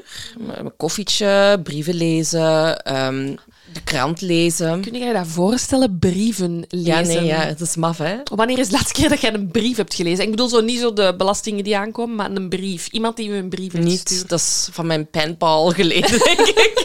Toen ik tien was. Zo leuk, dat je zo ochtends ja. oh, mijn brieven even doornemen. Ja, ja nu is er fucking mails. Oh. Bon, um, en dan speelt hij ook nog een beetje piano. Dat is de voormiddag een beetje. Hij gaat dan soms ook nog eens joggen in het park en dan neemt hij zijn dobberman mee. Leuk. Geen fan. Dat is, dat is, uh, dus ik, ik wil heel graag een hond. Um, en Lucas niet, maar de enige hond die hij mooi vindt zijn dobbermannen. Maar ik, ik snap het, want op zich zijn dat heel mooie honden, maar ik heb er een traumatische ervaring Is dat? Ja, oh, nee. ik was acht en mijn, ik was acht en ik fietste met mijn papa. Oh. En uh, we komen ergens in een, in een straat terecht en die liep dood en we willen ons omdraaien en opeens staat er zo'n dobberman voor ons, mm. voor onze neus. En dan is er ook nog zo'n Jack Russell, die echt al aan mijn sandaal... Ja, dat zijn de duivels, dat, hè? Die begon al aan mijn sandaal te sabbelen. En mijn papa, ik weet dat nog, die heeft echt zo zitten aftellen van, oké, ik tel nu af en dan gaan we fietsen. Dan gaan we fietsen, fietsen, fietsen, fietsen, totdat we weg zijn. En dan hebben we de, allee, dat is dan gelukt. En dan hebben we de politie gebeld. En dat was gewoon een mens die zijn hek allee, had laten had openstaan, laten openstaan oh. maar ook duidelijk zijn honden niet goed had opgevoed. Want ik heb er alle vertrouwen in als die dieren goed worden opgevoed, dat dat super toffe beesten zijn. Maar ja, ik was acht en dat beest was even, even groot. Dat is heel groot ook, hè, een dobberman. ja, ja, ja, Dus daarmee... Um... Maar ik heb Lucas ook al uitgelegd dat dat niet gaat. Hè. Ik bedoel, dat is, dat is heel groot. We wonen in een rijhuis in de stad. Dat gaat niet. Nee. Je gaat iets kleiners moeten kiezen. Jack Russell. Nooit van mijn leven. Die hebben pas die zijn allemaal, die zijn allemaal ADHD-actieve springkonijnen. Dat kan ik niet aan. Duracell-konijnen. Ja, echt. Voilà. Oh, oh. Dus, maar ja, bon, de John heeft een dobberman, gaat daarmee wandelen. En dan Smiddags ja, is het natuurlijk tijd voor een spelletje backgammon. Dan terug naar huis. Dan kleedt hij zich om in een chicere outfit. Gaat hij naar, um, ja, naar een etablissement waar dat er nog meer gegokt kan worden, eigenlijk als het ware. En soms is Veronica erbij die dan kan toezien hoe haar man al zijn geld, verkwist. En um, hij heeft blijkbaar eens gezegd, terwijl hij nog in de bank werkte, van kijk, ik heb het doel om ooit 2 miljoen pond op mijn bankrekening te hebben staan om uh, auto's te kopen, om jachten te kopen, op dure vakanties te gaan. En om zekerheid te hebben voor mijn toekomst, financiële zekerheid. Ehm, en nu, hij, hij komt heel erg over als extravert en zo. Maar zijn vrienden omschrijven hem wel als een soort van ja, zwijgzame man die ook wel verlegen is. Maar John was blijkbaar vrij groot en hij had dan ook nog eens een ronkende snor. En daarmee kwam hij eigenlijk over als, ja, was hij toch een populaire man, ook omdat hij die dure hobby's had. Mensen wilden wel graag bij hem zijn, omdat hij ja, superleuke dingen deed hè, en het geld had ook om ze te doen. Om zo'n dingen te Ja. doen, ja. En ja, dan, dan is er ook nog wel iets interessants wat er in zijn leven gebeurt. Heel, heel leuk eh, fun factje dat we dan ook als eh, tip vandaag eh, gisteren hebben... Voor jullie gisteren, voor ons vandaag hebben gepost. In ehm, 1966 was hij al een keer eh, op auditie gegaan voor een filmrol. En had die rol niet eh, eh, gekregen. Dus toen enkele eh, jaren later een filmproducent hem aansprak van hey, zou je nog eens willen komen casten? Want we hebben echt een rol op uw lijf geschreven. Hè? Het hoofdpersonage heeft dezelfde interesses als u, ehm, beweegt zich in, in, in dure kringen. Eh, wilde jij komen testen voor de rol van James Bond? heeft hij, hij heeft geweigerd, want hij had zoiets van ja, nee, ik heb, ik heb het al eens gedaan en dat is niet meegevallen. Maar imagine, die had gewoon... De John had James Bond kunnen zijn. Imagine. Al goed dat Sean is geworden. Oh, maar, maar ja, ik wil ook even zeggen, en dat is misschien een unpopular opinion, maar dat is voor mij de, mijn, is mijn favoriete Bond. Ja, maar dat snap ik wel. Oké. Dat snap ik wel. Dat borsthaar. Oeh. Drink nog eens van uw Arab. Ik ga ondertussen even verder. Nu, eh, ik heb het al gezegd, hij was een zeer geskilde speler als het op van die gokspellen aankwam. Hij was blijkbaar ook... eh, hij stond in de top 10 van beste backgammon-spelers ter wereld. Ter wereld. Ja, dus dat- dan, dan moet je toch wel je risico's kunnen inschatten of Ja. zo. Heel raar. En, en hij krijgt dan ook de bijnaam Lucky Lucan. Hè? Dus, eh, omdat hem dan altijd heel veel geluk had in het, eh, het spel. Maar zo staat er dan te lezen: eh, In reality, he was anything but lucky. Ja, dat is natuurlijk wel zo, want hij verliest geld bij de vleet. Hij heeft dan ook nog eens een interesse gekregen in volbloedpaarden. Dus ja, dat, daar moet natuurlijk ook op gegokt Je kunt worden. toch zo echt denken, dan zet je rijk en dan zeg je zo, "Mm, misschien een dure auto. Oeh, misschien een jacht. Oeh, wat kan ik nog kopen? Paarden. Ja, uiteraard. Ik miste dit nog in Ja, het verhaal. De, Ik de paarden. Ontbrak nog iets. Dus en uiteindelijk geeft hij ook meer, ehm, dat was dan in 1968, begint hij ook meer te betalen om naar zo'n races te gaan van die paarden, dan dat hij daar uiteindelijk iets aan overhoudt. Dus hij verliest geld met naar die paardenracen te gaan. Nu, Veronica ondertussen oblivious. Die dacht... Ik denk dat ze ergens wel door had wat er aan de hand was, maar die, ging gewoon, die bleef gewoon lekker shoppen in Londen. Maar ja, het ding is, als vrouw, één, je zit in een ondergeschikte positie. Mhm. Ehm, ik geloof dat je in die periode zelfs geen toegang hebt tot bankgegevens. Dus je weet niet ehm, Hoe dat hoeveel er is. Ja. en hoe diep je aan het graven bent. En allee, voor hetzelfde geld heeft zij zoiets van, ja, hij heeft misschien nog miljoenen om te spenderen en ze weet het misschien Mhm. niet. Misschien denkt zij, hij is aan het graven, hij is een put aan het graven, maar die, gaat. Mhm. die gaat nooit de bodem kunnen bereiken. Allee, ik vermoed dat ze naar, ook wel een beetje blind zal zijn geweest, maar ik vraag me af in hoeverre dat ze zichzelf had kunnen voorbereiden op zo'n verliezen. Dat snap ik. Ja, oké. Point. Gewoon langs de haarkant. Ja. Ehm, maar in het algemeen gaat het wel ook niet super eh, met eh, Veronica. hè, Want na de geboorte van George en Camilla, haar twee jongste kinderen, krijgt ze te kampen met een postnatale depressie. En dat is dan zo very out of character voor mij. John is daar wel enorm mee bezig. En hij, hij wil ook dat ze geholpen wordt. Ehm, dus hij rijdt met haar naar een, naar een kliniek waar dat ze zou kunnen opgenomen worden, waar dat ze zou kunnen behandeld worden in 1971. Maar zij zelf weigert. Ze heeft zoiets van, ik heb daar echt geen zin in. Ik wil thuis eh, herstellen, ik wil thuis in behandeling gaan. Ehm, ik, en ik zal wel een kuur met antidepressiva eh, nemen. Girl, not gonna help for depression. Allee, antide toch? Of wel? Oh, an- sorry. Ik dacht dat er antibiotica stond. Ah, ik hoop van harte dat antidepressiva helpen tegen een depressie. Dat hoop ik van harte. Ja, ik was echt, want ik zag hier antidepressiva staan. Ik Oh, ik had echt gewoon zo antibiotica. En ik dacht, een kuur met antibiotica gaat toch niet helpen? Oké, maar dat hoop ik dus wel. Dus daar stemt ze ehm, mee in om ehm, beter te worden. komt ook een psychiater langs. hè? Ja, ja, ja, dus ik denk dat ze wel ehm, voor die tijd goed bege- begeleid eh, wordt. Ehm, en in de zomer van 1972 heeft het gezin zoiets van: kom, eh, we gaan er even tussenuit. En naar waar gaan rijke mensen van adel op vakantie? Monte Carlo. zeker. Waar moet je anders naartoe? Maar het beviel Veronica niet echt. Eh, ze keert sneller terug naar huis dan de rest van het gezin. Dus ze laat Lucan achter met de oudste kinderen.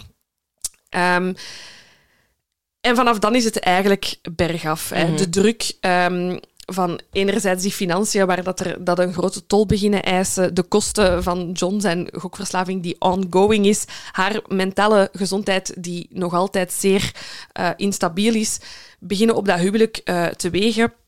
Er wordt nog een familiekerst gevierd in 1972, ehm, maar de sfeer is enorm gespannen. En na, eh, twee weken na die ehm, desastreuze kerst beslist John om ehm, de woning, het, het ouderlijke huis, te verlaten en trekt hij in een eigen woning eh, in, in Eaton Row. Ja. En dan een, eh, een paar maanden later verhuist John opnieuw eh, naar een eh groter appartement. Want ja, die man heeft geld, uiteraard. Mm. Ehm, en Veronica heeft zoiets van: oké, laten we even nog proberen om tot een oplossing te komen. Laten we toch ervoor zorgen dat ons huwelijk werkt. Maar eigenlijk. Op dat moment heeft John zoiets van: voor mij hoeft het niet meer. Het enige wat ik nu nog wil is voogdij over de kinderen. En hij heeft zoiets van, ja, ik moet aantonen dat Veronica, want waarschijnlijk, en dat is vaak nog zo, is dat het voogdij eerder naar de moeder gaat dan naar de vader.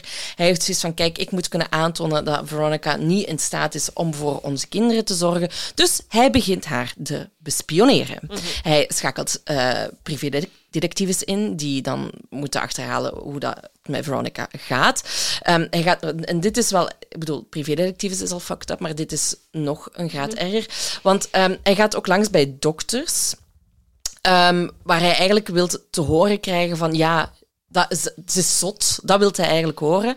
Maar die dokters zeggen eigenlijk allemaal, uw vrouw is geen zotin zoals jij haar wilt afschilderen. Ze is gewoon depressief en ze heeft anxiety. Dus. En hoe zou het komen, John? Kan jij je gedragen, alsjeblieft? dus ja, daar komt hij niet veel mee verder. Maar ondertussen zegt, begint John ook verhalen te verspreiden over zijn vrouw tegen zijn vrienden, waarin hij zegt van kijk, eh, Veronica heeft onze nanny eh, ontslagen. De- de- dat was de nanny die eigenlijk al begonnen was met, bij hen te werken toen Frances werd geboren. Dus na bijna tien jaar wordt zij ontslagen door Veronica, zegt John. En vanaf dan ja, komen er verschillende verhalen van, van, van nannies eigenlijk, die ja, toch ook aparte verhalen hebben, als het ware. Ehm, zo is er de 26-jarige eh, Stefania Savitska. Zij... ehm, Veronica zou aan haar hebben gezegd dat John haar met een stok zou hebben geslagen en op een ander moment eigenlijk haar van de trap zou hebben geduwd. En Veronica heeft tegen Stefania gezegd van kijk, ik vrees voor mijn leven ehm, en dat Stefania niet verbaasd moest zijn als zij op een dag haar zou vermoorden. Nu, ehm, Veronica heeft ondertussen ook wel door wat dat John aan het proberen is. Hè? Dat hij wil dat ze zot verklaard wordt, als het ware. Dus Veronica heeft zoiets van, kijk, ik ga naar een kliniek, ik meld mij daar aan.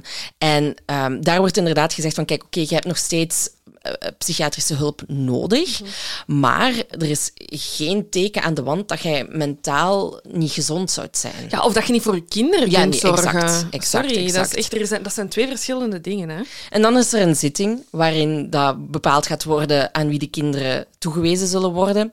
En dat is aan Veronica. Ja, heel grappig, want in die zaak probeert eh, John natuurlijk er alles aan te doen om aan te tonen dat eh, Veronica niet in staat is om voor die kinderen te, eh, te zorgen. En hij zal daar zeer veel geld en advocaten hebben tegengesmeten. Maar tijdens die hoorzitting ehm, wordt hij stilletjes aan gedwongen door het hof om eigenlijk zijn eigen gedrag te verantwoorden. Die mensen eh, hebben zoiets van, sorry, maar je zet die hier aan het stalken, je houdt die in toog, je zet hier verhalen. Jij zijt het probleem. Ja. Dus hij krijgt enkel in het weekend toegang ehm, om zijn kinderen te zien. En ja, hij is superveel geld kwijtgeraakt aan die rechtszaken. ehm, en hij wordt er alleen maar kwader van. En de dingen die hij dan doet, die gaan nog een stap verder dan ehm privédetectives inhuren. Hij begint telefoongesprekken af te luisteren en op te nemen. Ehm, hij speelt die fragmenten dan af eh, bij vrienden die er naar zouden willen luisteren. Hij vertelt aan de, bank, de bankmanager, ik vermoed de persoon die ook het geld van Veronica beheert, van ja, zij is degene die al het geld aan het uitgeven is, ik doe niks. Ehm, hij, wist, hij moest, ehm, John moest Veronica 40 pond per week betalen, eh, ja, onderhoudsgeld, kindergeld, eh, denk ik. Ehm, Hij vertraagde die betaling, eh, zodat zij in geldnood kwam, zodat ze zelf moest gaan werken. Hij Ja, maar- annuleerde... oh, sorry, zeg maar. Nee, nee, zeg maar eerst. Eh, Ja, eh, nee, zeg maar. Nee, dat, eh, dat, dat zij dat wel moest hebben, dat was een voorwaarde voor die voogdij. Mhm. dat, ze, dat er mensen haar kwamen, die childcare... Ja, Dus, en, hij, en hij moest dat betalen, maar Ja. hij deed het niet. Ja, voedselbestelling die dat we- wekelijks werd geleverd. Idem, hij, hij hield daar vertraging, de melkboer vertraging, ehm, betaling inderdaad aan het Ah, kinder... aan het, nee, nee, aan het kinder... Ik zie het nu ook pas staan. Aan het kinderbureau. Dus eh, door die betalingen tegen te houden, zorgt hij ervoor dat zij er weer inderdaad slecht uitkomt als moeder. Ehm, er passeren een hele hoop kindermeisjes ehm, die dan wel niet in dienst zijn. En uiteindelijk in 1974 ehm, komt er een nieuwe vaste eh, nanny en dat is eh, Sandra Rivet. Ik heb nog een kleine fun fact over een van de vorige... ehm, ik, ik, heb het niet, ik heb het niet gehighlight, maar ik zie hem nu ook staan. over, eh, hoe heet ze, Elizabeth Murphy. Dus hij vraagt eigenlijk aan haar informatie over zijn ex-vrouw ondertussen.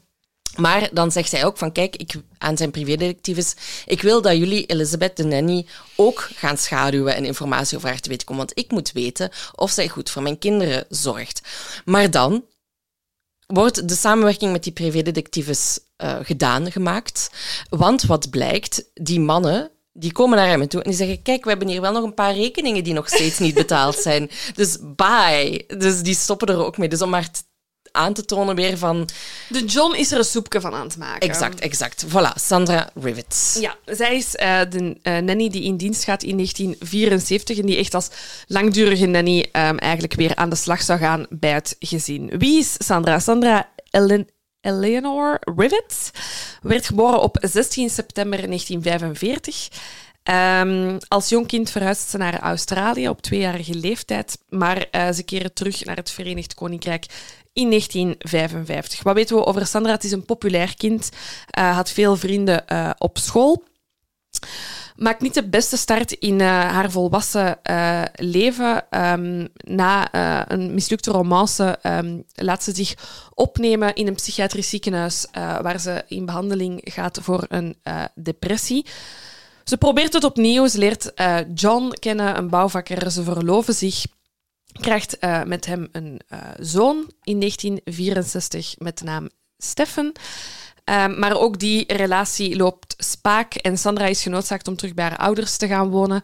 Um, heeft, uh, heeft zoiets van, ik, ik zie dit allemaal niet meer zitten. Alleen heeft zoiets van, ik, ik ga die baby, ik ga Stefan als adoptie moeten opgeven. Ik, ik zie het niet zitten om een single um, mom te zijn.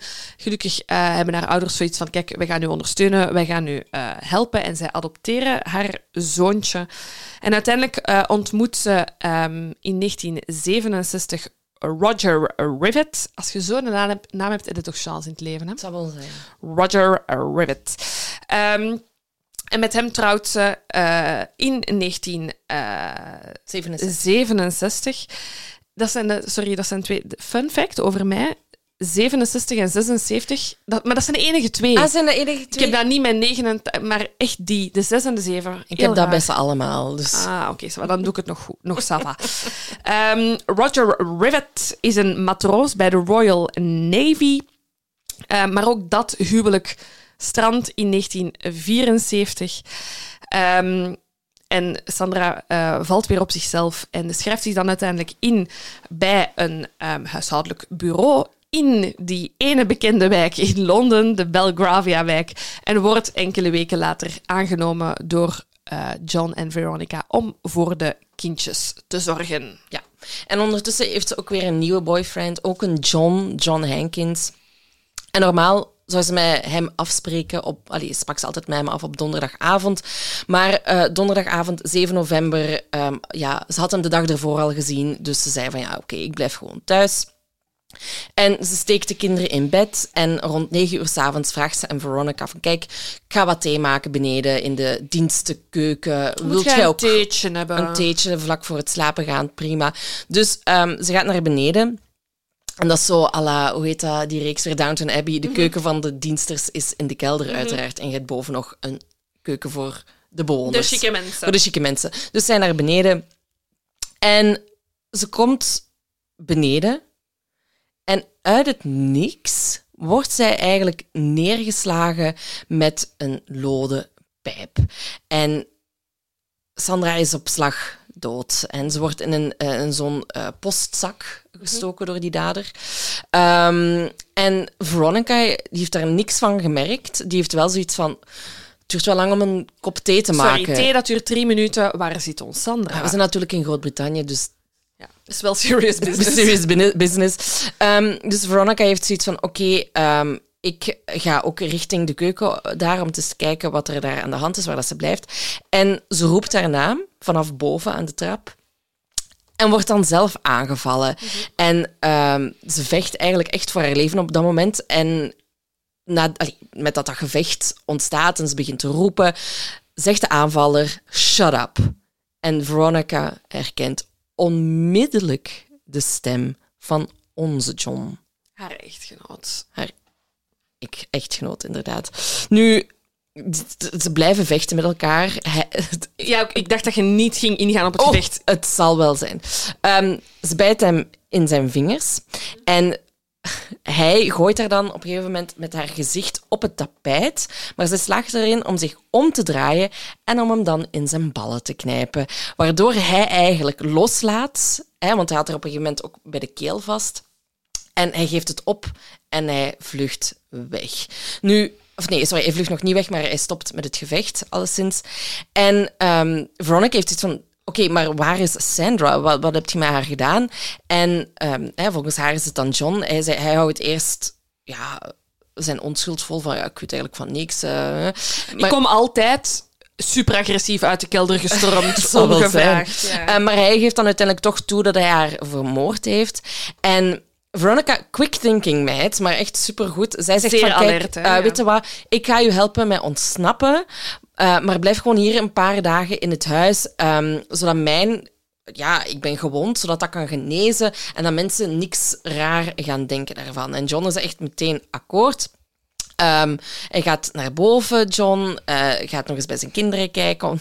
Het idee alleen maar ook al. zo, the fuck, jullie hebben net keert te vechten. Die hangt waarschijnlijk zelf onder het bloed. Ja, ja, en dan ja. zo even die slaapkamer van die kinderen binnengaan. Ja, echt Heel waar. En um, Veronica wil uiteindelijk op haar bed gaan liggen. En John zegt, wacht, wacht, wacht. Leg daar eerst een paar handdoeken onder, zodat het, de lakens niet onder het bloed komen te en je zitten. zou nu nog denken, John, als jij de was doet, heb je alle recht van spreken. Maar ik denk het niet. Ik denk het niet, ik denk het niet. Um, nu, John vraagt haar dan vervolgens van, kijk, heb je pijnstillers? Uh, en uh, uh, gaat dan verder naar de badkamer om een natte handdoek te halen om Veronica's gezicht te wassen. Maar die audacity, maar echt zo freaky. Maar ook, dus even, ik wil gewoon even zeggen, Veronica, meid, you're one of us. Mm. Uw, uw brein is iets, dat is fantastisch, want ja. je komt daar niet op hè, door te zeggen, ik ga meegaan in dit verhaal om jezelf in veiligheid te brengen. Zeer intelligent, zeer slim. Maar hoe oblivious is die een John. Dat hij ook echt denkt, uiteraard, ik zit in een superzware vechtscheiding met deze vrouw, maar die gaat mij helpen. Ja, exact. En we gaan, nu samen, we gaan ons nu samen opfrissen en doen alsof, er, of, alsof zij niet net mijn ballen er heeft afgetrokken. Mm -hmm, mm -hmm. Ja, bon. Nu, hij is dus onderweg naar de badkamer om zo die handdoek uh, te halen. En Veronica beseft dan van...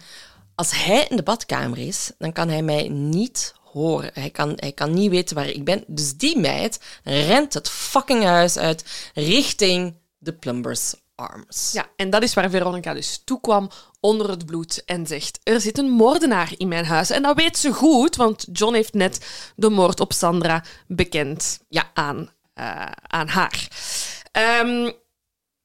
Bon, de Plumbers um, Arms. Telefoon rinkelt richting politie. Um, en daar neemt Roy Ranson op. Goeie namen allemaal. Um, hoofdinspecteur uh, Roy en uh, dus ja, die, die holt naar de woning waar ze arriveren. Um, maar uh, wanneer ze daar aankomen, kunnen ze alleen maar de dood vaststellen bij Sandra Rivet, die nog altijd in een postzak zit. Echt degoutant. Aan de voordeur die de twee agenten zelf hadden ingetrapt om binnen te geraken, ehm, was eigenlijk de enige plek waar, er, ehm, ja, waar dat er was binnengeklauterd, allee, of, of waar dat er braak, van ja, waar, waar ja. dat er braak was. Wat dus waarschijnlijk betekende dat de dader toegang had tot eh, de woning. Ze lopen richting eh, de keldertrap, waar ze een bebloede lode pijp eh, vinden, wat waarschijnlijk het moordwapen zal zijn. eh, wordt meegenomen voor onderzoek. En dan, breaks my heart, vinden ze aan de voet van de trap twee kopjes en schoteltjes waar thee had ingezeten. Die, die Sandra, on the job gewoon, hè. Zo heftig. Heel intens, heel intens. De woning wordt eh, doorzocht, maar de moordenaar is niet meer ter plekke. Ehm, we weten dat John uiteraard niet meer in het- huis woont waar, eh, waar de feiten zich hebben plaatsgevonden. dus de agenten gaan ook naar die Eaton Row en naar de, eh, die andere woning op Elizabeth Street, waar, allee, waar hij eigenaar van is. Ehm, maar ook die twee woningen zijn leeg. In die laatste woning vinden ze wel van alles terug eh, van John. Interessant. Interessant allegaartje. Op het bed vinden ze een kostuum, een overhemd, een boek over Griekse scheepsmiljonairs. Heel goed. Maar ook de Heel specifiek. Ja. ook, eh, Wat ik graag nog wil worden, een scheepsmiljonair. Een Griekse dan ook Een nog, Griekse, ja, ja, ja, zeker, zeker. Ehm, maar ook de portefeuille van eh, John, zijn autosleutels, geld, rijbewijs, zakdoek, bril, paspoort wordt teruggevonden in zijn blauwe Mercedes-Benz, die gewoon buiten stond geparkeerd met een koude motor en lege accu. Dus daar was hij zich niet mee aan het voortverplaatsen. Ehm, nu, ze komen erachter eigenlijk dat eh, John na de feiten eigenlijk rond tien uur en half elf s'avonds bij de moeder van een vriendinnetje van zijn dochter is gaan aanbellen. Waanzin. En dat is Madeleine Floorman, die moeder. Nu, eh Madeleine had in eerste instantie zoiets van... Ik ga de deur echt niet open doen. Ik ben ook zo. Als ik niemand verwacht, doe ik de deur Nee? niet open. Nee. nee, zeker niet als ik zo aan het werk ben of whatever. Dan, Meent je dat? ja, En ehm, neemt jij telefoons op van anoniem? nee. Hmm. Ik denk, als ze me echt nodig hebben, stuur me dan... Allee, ik bedoel, stuur me dan gewoon een bericht of zo. Ja. Ik vind dat, omdat bij mij, ik, ben, ik, ben, ik weet gewoon graag waar het over gaat als ik, het, als ik de telefoon opneem. Ja, het onverwachte vind ik niet leuk. De geprefereerde manier van eh, handelen is wel...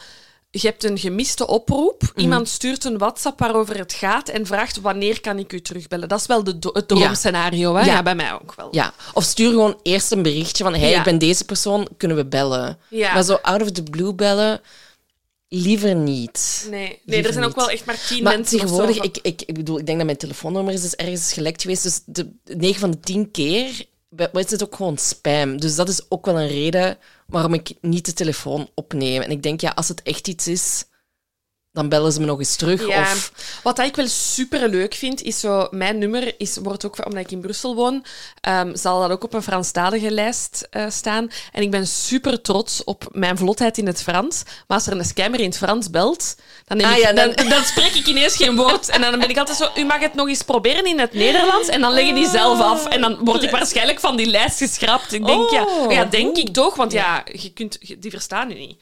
Anyways, we Anyway, waren, we waren Madeleine in Londen. is zoals mij eh, de wilde deur in eerste instantie niet open doen. Ehm, maar eh, ja, dan krijgt ze eigenlijk nog eens een, een, een telefoontje, een heel on, on- hoe zeg je dat? Onhangvattend. Onsamenhangend. Wat je aan het doen bent. Oh, Ja, exact dat. Zo'n telefoontje krijgt, je, krijgt ze, maar ze legt ook weer meteen zoals jij de telefoon neer van what the fuck is dit? Ehm, nu, eh, de politie komt dat te weten. En ze vinden daar eigenlijk eh, bloedvlekken aan de deur. Ehm, en ze komen erachter dat dat een mix is van bloedgroepen A en B Oké. tot, tot daar. Nu, wat dat ze ook zeker weten, is dat eh, John vervolgens zijn moeder heeft gebeld tussen half elf en elf uur s'avonds. avonds. dus vlak mannen. na het bezoek Ja. bij Madeleine. Ehm, en hij zegt van, kijk, je moet de kinderen gaan halen in het huis. Want ehm, hij zegt van ja, er is een verschrikkelijke catastrofe gebeurd bij mijn vrouw haar thuis. Ehm, hij zegt van kijk, ik passeerde daar toevallig met de wagen voorbij en ik zag hoe Veronica aan het vechten was met een man in de kelder. Dat heb jij voorbijrijdend gezien. Ja, maar hij is dan ook nog het, de property ingegaan en heeft dan zijn vrouw schreeuwend aangetroffen. Nu, rond half één s'nachts belt John weer met zijn moeder. En hij zei van, ja, ik ga later nog wel eens terugbellen. En hij weigerde om met de agent te spreken die bij zijn moeder was op dat moment. Bon, hij zegt van, kijk, ik zal morgen vroeg wel eens met de politie bellen. Ehm, dus bon, maar niemand heeft John op dat moment al gezien. Dit is alleen wat dat de politie te weten is gekomen via via. Dus wat doen ze? Ze gaan eigenlijk een beschrijving van hem uh, rondsturen over heel het land eigenlijk. En de kranten en de televisiestations, um, ja, die krijgen te, eigenlijk te horen dat John alleen maar gezocht wordt om ondervraagd te worden. Er is dus niet iemand die zegt van kijk, hij, is, hij heeft een moord gepleegd of whatever. Hij wordt gewoon gezocht voor een ondervraging. Dan komen ze erachter dat hij eigenlijk 68 kilometer verder was gereden naar Oakfield. Uh, en daar woonde een bevriend koppel, Susan, Susan en Ian Maxwell Scott. En Ian had zelf de politie gebeld om aan te geven dat John bij hem was gearriveerd, uh, een, een aantal uren na de moord. En daar had John eigenlijk de tijd genomen om twee brieven te schrijven naar zijn schoonbroer, Bill Shan Kid. En hij heeft ze dan ook op de post gedaan. Um, nu, er wordt eigenlijk aan, aan Susan ook gevraagd oké, maar waarom heb je niet onmiddellijk de politie gebeld toen je wist mhm. dat, dat John bij u was? En zegt ja, ik wist niet wat er aan de hand was. Zij heeft waarschijnlijk het bloed niet gezien. Of, ja, sorry, we zijn in de jaren zeventig. Ik bedoel, dit is geen uh, nieuwsflash op uw gsm-app. Like she knew. Inderdaad. Um, en hij vertelt eigenlijk opnieuw hetzelfde verhaal aan Susan. Van, mhm. oké, ja, ik passeerde daar. Ik zag Veronica vechten in de kelder met een onbekende man. Ik ben daar binnen gegaan, maar ik ben dan uitgegleden in een plas bloed. Ah, dus hij zal wel vol bloed hebben gehangen. En dat, dit was dan de verklaring. Ja, of hij heeft zich omgekleed, hè? dat kan. Hè? Ja, ja inderdaad. Um, en hij zegt dan ook nog aan, aan Susan dat de, de aanvaller weggerend is en dat Veronica zeer hysterisch was. En um, hem beschuldigde, dus John beschuldigde, van een huurmoordenaar te hebben ingeschakeld om haar te vermoorden. Mhm. Dus er zijn veel sightings en telefoontjes gepleegd die ze wel kunnen achterhalen. Um, en dan uh, de volgende ochtend mhm. vinden ze een verlaten wagen, een Ford Corsair, als ik dat mhm. goed uitspreek. En dat was eigenlijk de wagen, komen ze erachter, waar John in aan het rijden was. Hij had die eigenlijk gestolen, geleend. Ik vind dat hilarisch. Dus het is een zeer mooie auto en in de kofferbak wordt een lode pijp, uh, een stuk lode pijp gevonden die overeenkomt met de lode pijp. Die dat, het is ook een beetje Cluedo eigenlijk. Oh, ik heb er ook aan gedacht, ja. ja, ja. Um, het komt overeen met de lode pijp die dat daar in de kelder wordt aangetroffen. Verder nog een volle fles vodka gemiste kans, zou ik uh, durven zeggen. Um, en die wagen wordt in New Haven aangetroffen. New Haven, de naam geeft het weg, dit is um, aan het water. We zijn heel dicht tegen de kust van Groot-Brittannië. Um, verklaringen zeggen, ja, die wagen staat hier sinds vannacht, vijf uur s ochtends of zo, is die hier uh, gezet. Eigenaar van de wagen is Michael Stoop. En die wordt ochtends wakker zonder wagen op zijn stoep. I did that, I did that. Maar wel met een brief in zijn brievenbus. Ja. En die brief is geschreven door John. En in die brief zegt John nog eens wat er gebeurd is die mhm, avond. Mhm, mhm. Dus ik wil gewoon even zeggen, John schrijft een brief naar die eigenaar van die auto van yo, ik heb uw auto geleend, want dit is gebeurd geen excuses. Niet zo, lol, sorry dat ik je auto heb gepikt, besmeurd heb met bloed en daar heb achtergelaten. Je neemt dan de moeite om een brief te schrijven en dat doet je dan niet. Nee, nee, nee. Heel raar. Maar je vraagt wel van, kijk, uh, vertel mijn kinderen dat ik hen graag zie. Hè? Zo, ja, will do, want jij stelt mijn vertrouwen toch ook nooit teleur. Ja, ja. Maar hij zegt ook van, kijk, ik ga aan de rechtbank geen kans maken, schrijft hij in die brief. Um, maar het probleem is dat de dat, dat de speurders niet kunnen achterhalen waar dat die brief is geschreven, mhm. omdat Michael de, brief, de, de envelop waar dat de poststempel op zit, uh, postzegelstempel of whatever, uh, andere tijden, al uh, heeft weggesmeten. Mhm. Dus ze kunnen niet meer achterhalen waar dat hij, hij, die, hij die heeft geschreven, maar ze weten wel dat hij dus ook nog een brief heeft geschreven aan zijn schoonbroer toen hij mhm. bij Susan was. En ook daar schrijft hij weer hetzelfde verhaal in. Hè? En dat hij zegt van ja, Veronica, uh, ga, ga mij de schuld geven. En ik weet dat het er slecht uitziet en dat al het indirect bewijs naar mij wijst. Maar uh, ik heb het niet gedaan. En ook zegt hij nog van, kijk, uh, sommige schuldeisers, ik ga dat in orde brengen. Ik ga nog wat geld opsturen. En andere can get lost for the time being. Dus zo serieus was die man op dat moment. Dus dat zijn de brieven die verstuurd worden en achterhaald worden. Um, en dat zijn eigenlijk de laatste elementen die we van John te horen krijgen. Ja. Wat de politie nog doet, is die beschrijving van zijn uiterlijk over heel Groot-Brittannië verspreiden. En ze geven het uiteindelijk ook mee aan Interpol, want ik heb het al gezegd, Newhaven ligt daar aan het water, uh, de kust richting het vasteland van Europa. Uh, politie gaat ter plekke met speurhonden uh, het dorp en de bossen uh, doorzoeken. Vinden hem niet. Vinden het lijk van een man die jaren eerder Rechter, ja. vermist was. Die hebben ze dan wel teruggevonden. maar geen teken van John. Er worden duikers ingezet en er wordt infraroodfotografie wow. gebruikt. Ja, we zijn 1974. Ik bedoel, dat zeer indrukwekkend allemaal. Maar ja, het levert niks op en John is verdwenen. Is een rook opgegaan. Heel bizar. Heel ja. bizar. Um, nu even verder over het onderzoek, want ze doen uiteraard een, ook een autopsie op mhm. het uh, lichaam van uh, Sandra. En um, daar stellen ze inderdaad vast dat, uh, dat ze vermoord werd vooraleer ze in de zak werd gestoken. En volgens de wetsdokter um, die, de, is de lode pijp die ze gevonden hebben op de crime scene, um, zou dat wel eens degelijk de, het moordwapen kunnen zijn. En maar dus om even duidelijkheid te scheppen, ze vinden dus een moordwapen in uh, een lode pijp in de kelder, maar ze vinden dus ook die lode pijp in de auto. Dus dat zijn twee verschillende lode pijpen. Nu, um, like, ik heb niet eens een lode pijp in mijn huis. nee. Bij de hand. Het is een beetje zoals de staircase murder, wat ja. was ook zo'n rare ja, pook ja, ja, voor in het ja. uh, wat nu, vooraleer, hè, dat, nee, ze gaan toch ook eens um, haar ex-man Roger ondervragen, maar die blijkt over een heel goed alibi te beschikken. En er worden ook nog andere mannelijke vrienden en vriendjes ondervraagd, maar ook die worden geschrapt als verdachten.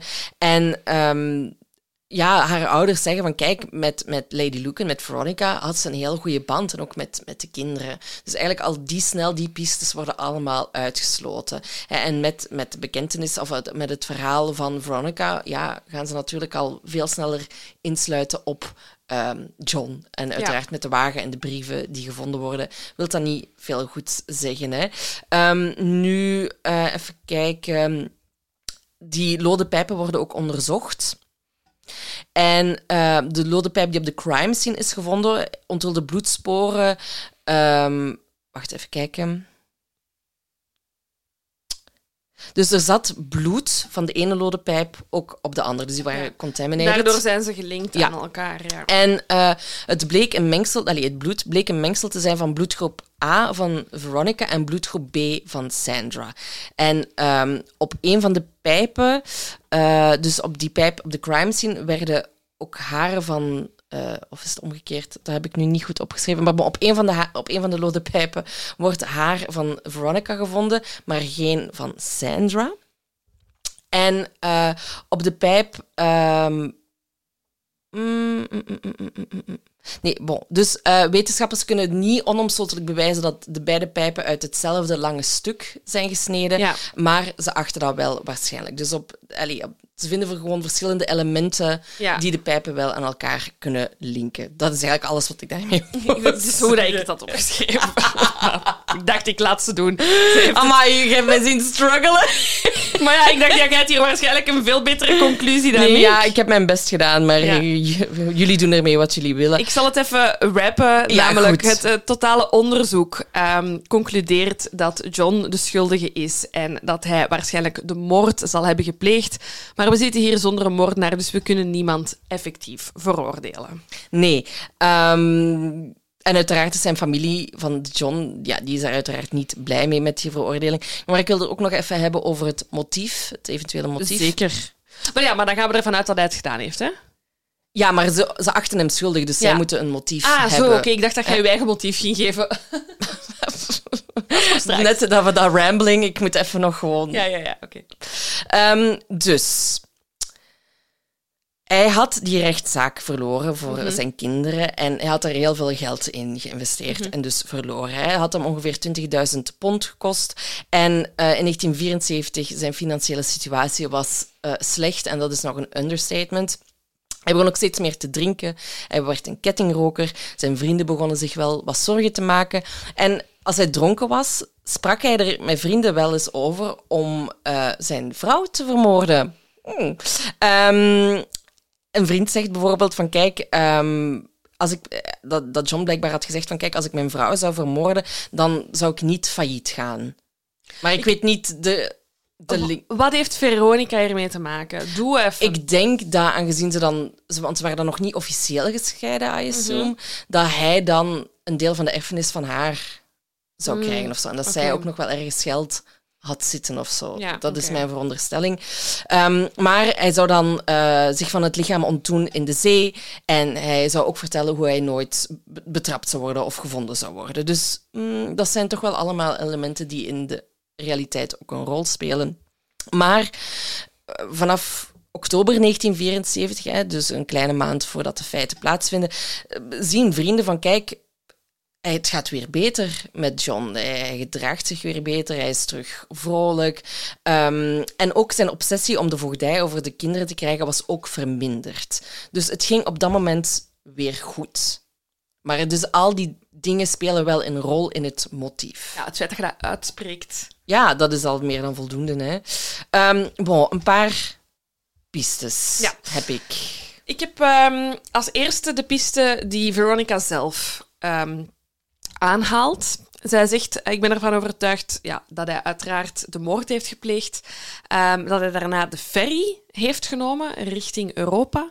eh, en dat hij in het midden van het kanaal van boord zal zijn gesprongen. Tussen de draaiende schroeven terecht is gekomen, omdat hij niet teruggevonden wou worden. Veronica sluit fijntjes af met: Ik vind die laatste daad van hem erg moedig. Oh, Veronica. Zuur, zuur, zuur. Maar ja, ze gaan er dus vanuit inderdaad van... Zou hij zelfdoding hebben, hebben gepleegd, hè? We zeiden dus al, er worden naar lichamen gezocht. Er worden andere lichamen gevonden tijdens die zoektocht.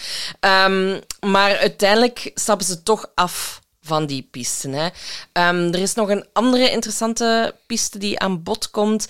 Ehm, er is iemand, een vriend van hem, die blijkbaar een dierentuin had waar tijgers rondliepen. En dit is ook een bekend verhaal natuurlijk, want dit hebben we ook al eerder eh, gehoord. Maar die, zijn moeder, Espinel heet die man, en zijn moeder Lady Osborne, die zou tegen de politie hebben gezegd: Het laatste wat ik heb gehoord is dat hij aan de tijgers gevoed is geweest in de zoo van mijn zoon. En daar is dus onderzoek naar gedaan, maar ze hebben niks gevonden. En Espinel wordt daar ook over ondervraagd en die zegt: Mijn tijgers eten alleen maar het fijnste vlees dat er bestaat. En denken jullie nu echt dat mijn tijgers zo iemand ehm taai als John zouden opeten? Vind ik wel een, een goed verhaal. Maar ook, wie heeft hem dan aan die tijgers gevoed? Ja, Maar ik- dit soort pistes vind ik heel, heel, heel aannemelijk en leuk. voilà. Ehm, ja, voor de rest wordt hij honderden, duizenden keren eh, gespot. Eh, Ja. Ik heb er een paar opgeschreven. Er zijn mensen die hem in eh, Afrika hebben gezien. Ehm, Want dat is dan ook nog een piste, hè, dat ze denken dat hij geëmigreerd is ja, en dat hij dan daar zou, zou gezien zijn. Ja. Ehm, nee, ga maar verder. Ah ja, oké. Ehm, dus er is ehm, inderdaad Zuid-Afrika. En er is ook een, een, een- een, een speurder die, die 32 jaar nadien zegt van kijk, het is wel mogelijk, het idee leeft nu dat hij inderdaad wel naar het buitenland zou verhuisd zijn. Ehm, en zo is er Susan, hè, de, de vriendin die hem had gezien, waar hij dat brieven had geschreven, die zegt ook van kijk, het zou wel eens zomaar kunnen dat eh, de maffia hem geholpen heeft om het land uit te krijgen. Maar dat ze hem dan als een te groot risico beschouwden en hem dan vermoord zouden hebben en om de een of andere reden begraven zouden hebben in Zwitserland. Maar met al die... Het ding is... ehm, ja, we, komen, we zullen straks wel zeggen wat we denken, maar dat zijn allemaal hele snelle acties die je achter... Allee, dit, dit moet allemaal op de avond van de feiten gebeurd zijn. Dus ik ben ervan overtuigd dat als hij ontsnapt is en weg is dan heeft hij dat alleen gedaan. Ja. Die heeft niet... ja, of het moest al lang gepland zijn, hè? want hij, hij, hij, hij, werd ook vrolijker naarmate de feiten eraan zaten, eraan te komen. komen. Misschien had hij iets uitgedokterd en wist hij van... Oké, toch snel een paar vragen voor u. Is John de moordenaar van Sandra? Ja, Oké. is, is hij de moordenaar van Sandra voor u? Ja. Oké. Maar per ongeluk, hè. Hij, hij- zijn, zijn Ja, ja, het was niet... Nee. Hij wou Veronica doden, laten we dat duidelijk stellen. Ja. Eh, wat ik dan direct zeer raar vind. Want als het een geplande moord is, waarom... eh, Hoe vaak komt je dan als vrouw in de kelder waar dat de nanny thee moet... Snap je? Wa- Wat zat hij daar te doen? Ik denk dat hij gewoon via de kelder wou binnensluipen en dat Sandra er opeens was, onverwachts. Want Sandra was normaal gezien altijd op date met haar boyfriend. Oké, dus jij denkt wel dat hij bewust Sandra heeft neergeklopt. Niet zo van... Toek, en dan zo, shit, het is niet mijn vrouw. Nee, hij zal, hij zal waarschijnlijk gedacht hebben van... Ah, of Sandra herkend hebben, maar zoiets gehad hebben van... Oké, dan gaan er hier twee mensen dood. Oké. Ja. Maar op het laatste moment wel die beslissing Ja, gemaakt. oké, oké. En dit is wel mijn voorbedachte raden voor u. Hij is niet dronken van een casinoavond, zo van, en nu is het genoeg geweest. Nee, want hij heeft al die auto eerst moeten gaan halen. Als hij dronken was geweest, had hij gewoon zijn eigen wagen. Allee, dan waren er meerdere stappen geweest, denk ik, Ja. omdat hij niet helder kon nadenken. Ehm, hij had al een heel verhaal klaar over wat er gebeurd zou zijn volgens hem. Hij wist welke brieven hij moest schrijven. Ik vind die tussenstappen op het einde heel moeilijk. Zijn moeder twee keer bellen, bij die vrienden langs gaan. Waarom? Waarom laat je je nog zien? Ja, om een soort van alibi te creëren. Hè? Om aan verschillende mensen uitleg te doen. En je, kun- je kon geen berichtjes sturen. Mensen namen de telefoon blijkbaar niet op of deden de deur niet open. Van ja, oké, dan moet ik ergens langs gaan en zeggen van wat dat er gebeurd is. Zodat jullie, in de hoop dat jullie mij geloven. Oké. En dan? Is John nog in leven? Of is John levend die avond buiten geraakt?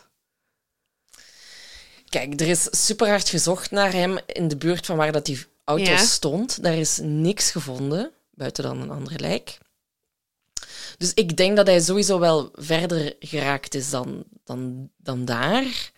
Ehm, maar ik zou niet weten hoe hij het land uitkomt zonder zijn paspoort. Zonder... Maar ja, hij had dan wel weer kennissen binnen de onderwereld Ja.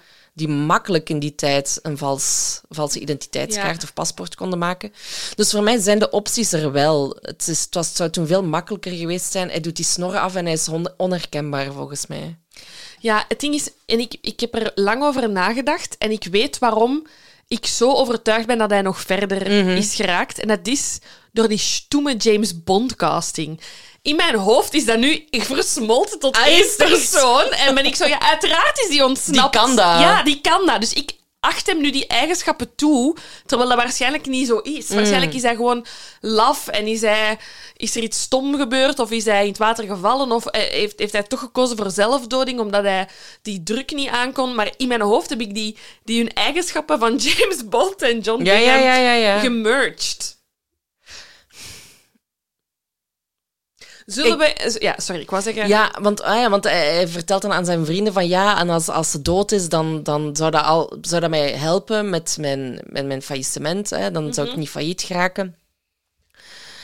Maar ja, door op de vlucht te slaan, krijgt hij natuurlijk, ik bedoel, geen geld of, hè, of als hij eh, beschuldigd wordt aan moord. Dus daar zit de motivatie natuurlijk ook krom, Ja. als het ware. Ik me maar luid op aan het denken hoor. Eh, maar in mijn hoofd is hij ook gevlucht. Oké. Ik heb niet het idee dat hij uit het leven gestapt is. Maar ja, bon, dat is pure speculatie. Dit is pure speculatie. Ga ik je verder. Ja, dus... ehm, John zijn verdwijning. Iedereen mesmerized daarover. Maar voor decennia lang. En Je zei het al, hij wordt op vers- op verschillende plekken, op verschillende momenten gespot in de wereld. Ehm, eentje zou zijn ehm, geweest vlak na de moord. Ehm, maar dat bleek dan om een Britse politicus te gaan, John Stonehouse, die eigenlijk geprobeerd had om zijn eigen dood te faken. Dan is de politie vlak na de moord ook nog naar Frankrijk gereisd om ook nog een ja, aanwijzing uit te pluizen, maar ook daar was niks van aan. En dan is er ook nog in Colombia ehm, een sighting geweest, maar dat bleek dan een Amerikaanse zakenman geweest. In 2003 dacht een detectieve, een detectieve op pensioen van eh, Scotland Yard, dacht dat hij de man had gespot in Goa, India. En voor mensen die Goa niet kennen, ik heb Google daar, het. ik heb daar, daar, daar, dat is een feestplek met veel Goa-muziek en toestanden. Ehm, maar het bleek dan eigenlijk te gaan om een volkzanger. Dus totaal niet John. Dan is er in 2007... ehm, dit is echt heel, Ja, deze is mijn dit favoriet. is echt heel goed. 2007 eh, in, zijn we in Nieuw-Zeeland. En daar zijn mensen die zeggen van, wij hebben hem gevonden. Wij hebben hem Onze gevonden. buurman is John. Ja, en eh, het ging inderdaad om een Brit die in Nieuw-Zeeland in zijn oude auto woonde, samen met een, eh, met een buideldier, een buidelrat. En eh, zijn kat en een geit genaamd Camilla. En eh, de buidelrat heette trouwens Redfern. Ehm naam van de kat is onbekend, jammer Heel genoeg. jammer. jammer genoeg. Ehm, maar, maar hij zegt... Kijk, ze waren ervan overtuigd omdat hij nogal upper class overkwam. En hij gedroeg zich ook als een beetje alsof hij een militair was geweest ooit. En dat is John uiteraard geweest. We spreken hier over een persoon die in zijn auto woont en die zich elitair gedraagt. Ik ben heel benieuwd naar die combinatie. Ja, dat exact, wil ik graag exact. zien. Ehm, maar de man zelf ah, zegt van ja, ik ben gewoon een, ik was gewoon een fotograaf en ik ben gewoon naar Nieuw-Zeeland verhuisd. eh, toevallig in hetzelfde jaar dat John verdween. Vind ik wel een interessante. Het ding, is, het ding is, moest ik van de radar moeten verdwijnen, ik zou wel opteren voor totaal andere levensstijl. Dus daarin kan ik het wel... Begrijp ik de Goa, begrijp ik de buidelrat. Dan denk ik, out of everything, be bold. Doe iets anders. Maar om dan per se in een oude wagen te moeten leven. Nee, er zijn grenzen. Maar ja, kon die man nog aan zijn geld? Kon die, en snap je? Ik bedoel, hij, is dat, Nee, maar zie maar, dus nu ben ik weer, nu ben ik weer John slash James Bond aan het denken. Ja, die is wel goed in dat gokken. Dus ik zie die dan zo met heel weinig geld naar de casino gaan en dan zo ziek veel geld verdienen. en dan weer alles uitgeven. Nee, ja, of leren uit zijn fouten. Hè. Hij heeft nu een tweede kans. Ja, maar hij leeft dan in zijn wagen. Maar ja, dus daarom is hij het niet. Ah ja, oké. Oké, en dan is er nog in 2022 iets geweest, het recente. Ja, en dat is eh, toen jullie massaal dit artikel naar ons hebben doorgestuurd. Ah, dit is misschien een leuke zaak om ooit te brengen. Hier zijn we dan eindelijk. Ehm, want dan komt ehm, expert in gezichtsherkenning Hassan Yugel naar eh, voren. En die zegt, John Bingham, ik heb hem gevonden. Hij leeft ondergedoken in Australië. En ik ben daar zeker van, want ik heb een algoritme en dat liegt nooit. De computerwetenschapper maakt gebruik van AI. Ehm, het algoritme doet 4000 kruiscontroles op zeven verschillende foto's.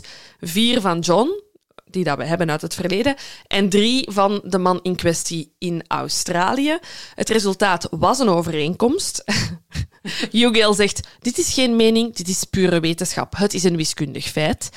Ehm, de man in kwestie is ondertussen een boeddhist die in eh, Brisbane woont. Hij is 87 jaar oud en dat is effectief de leeftijd die Lord Lucan zou moeten hebben gehad. En ehm, de zoon van ehm, Nancy, die komt eh, naar voren en die zegt, kijk, ik ben al negen jaar bezig met dit onderzoek en ik... Sorry? Van Sandra? Ja, eh, sorry, wat zei ik? Nancy. Oh, Dat is een andere nanny, nanny, denk ik. Ah, Dus oké. Maar het is ja, van Sandra, die zei van, kijk, ik ben al negen jaar bezig met dit onderzoek. Ehm, en het feit dat deze, ehm, dit algoritme aantoont dat hij het is, ja, ik ben, er, ik ben er zeker van. Politie moet in actie schieten. Weten we niet of dat gebeurd is. De krant The Mirror heeft wel onderzoek gedaan. Ze hebben een ander bedrijf ingehuurd om dezelfde soortgelijke Mm. test te doen met dezelfde foto's. En zij kwamen tot dezelfde conclusie. Hmm. Ik wil gewoon weten of, hij, of, of de politie ermee bezig is. Ja. Ik heb daar verder nu niks meer over Nee, want ik heb het zitten googlen en ja... Ik weet wel, 2020, er was iets anders bezig op dat moment. Ehm, maar ik vind het wel heel interessant en ook eh, heel spannend dat, dat, dat, dat gezichtsherkenning dit kan, Ja, ja. Dit kan of niet kan. Dit, dit wordt opgevolgd. Dit, hier, moeten wij, Ja. dit, hier willen wij updates van. Zeker, zeker. Kennen wij andere boeddhisten in Brisbane die ons iets kunnen laten weten, alstublieft? Nu ehm, nog even wat eh, nasleep over de zaak. In 1975 heeft Veronica nog een exclusief interview gegeven aan de Daily Express. En eh, model... Staat online heel vermakelijk, gewoon om de tijdsgeest te zien. En model dat ze is, doet ze mee aan een, aan een reconstructie van de moord. En ja, poseert ze ook in die Ja, foto's. Ja, die zijn er. die Ik, ga ze, zijn ik heb er. ze nog niet gezien, ik ga ze, ik ga ze opzoeken. En, Er zijn ook foto's van de buidelrat, jongens, geen zorgen. Ja, nu, um, triestiger nieuws is dat in 2017 um, Veronica uit het leven stapt. Ze is dan 80 jaar, omdat ze verkeerdelijk dacht dat ze leed aan de ziekte van Parkinson.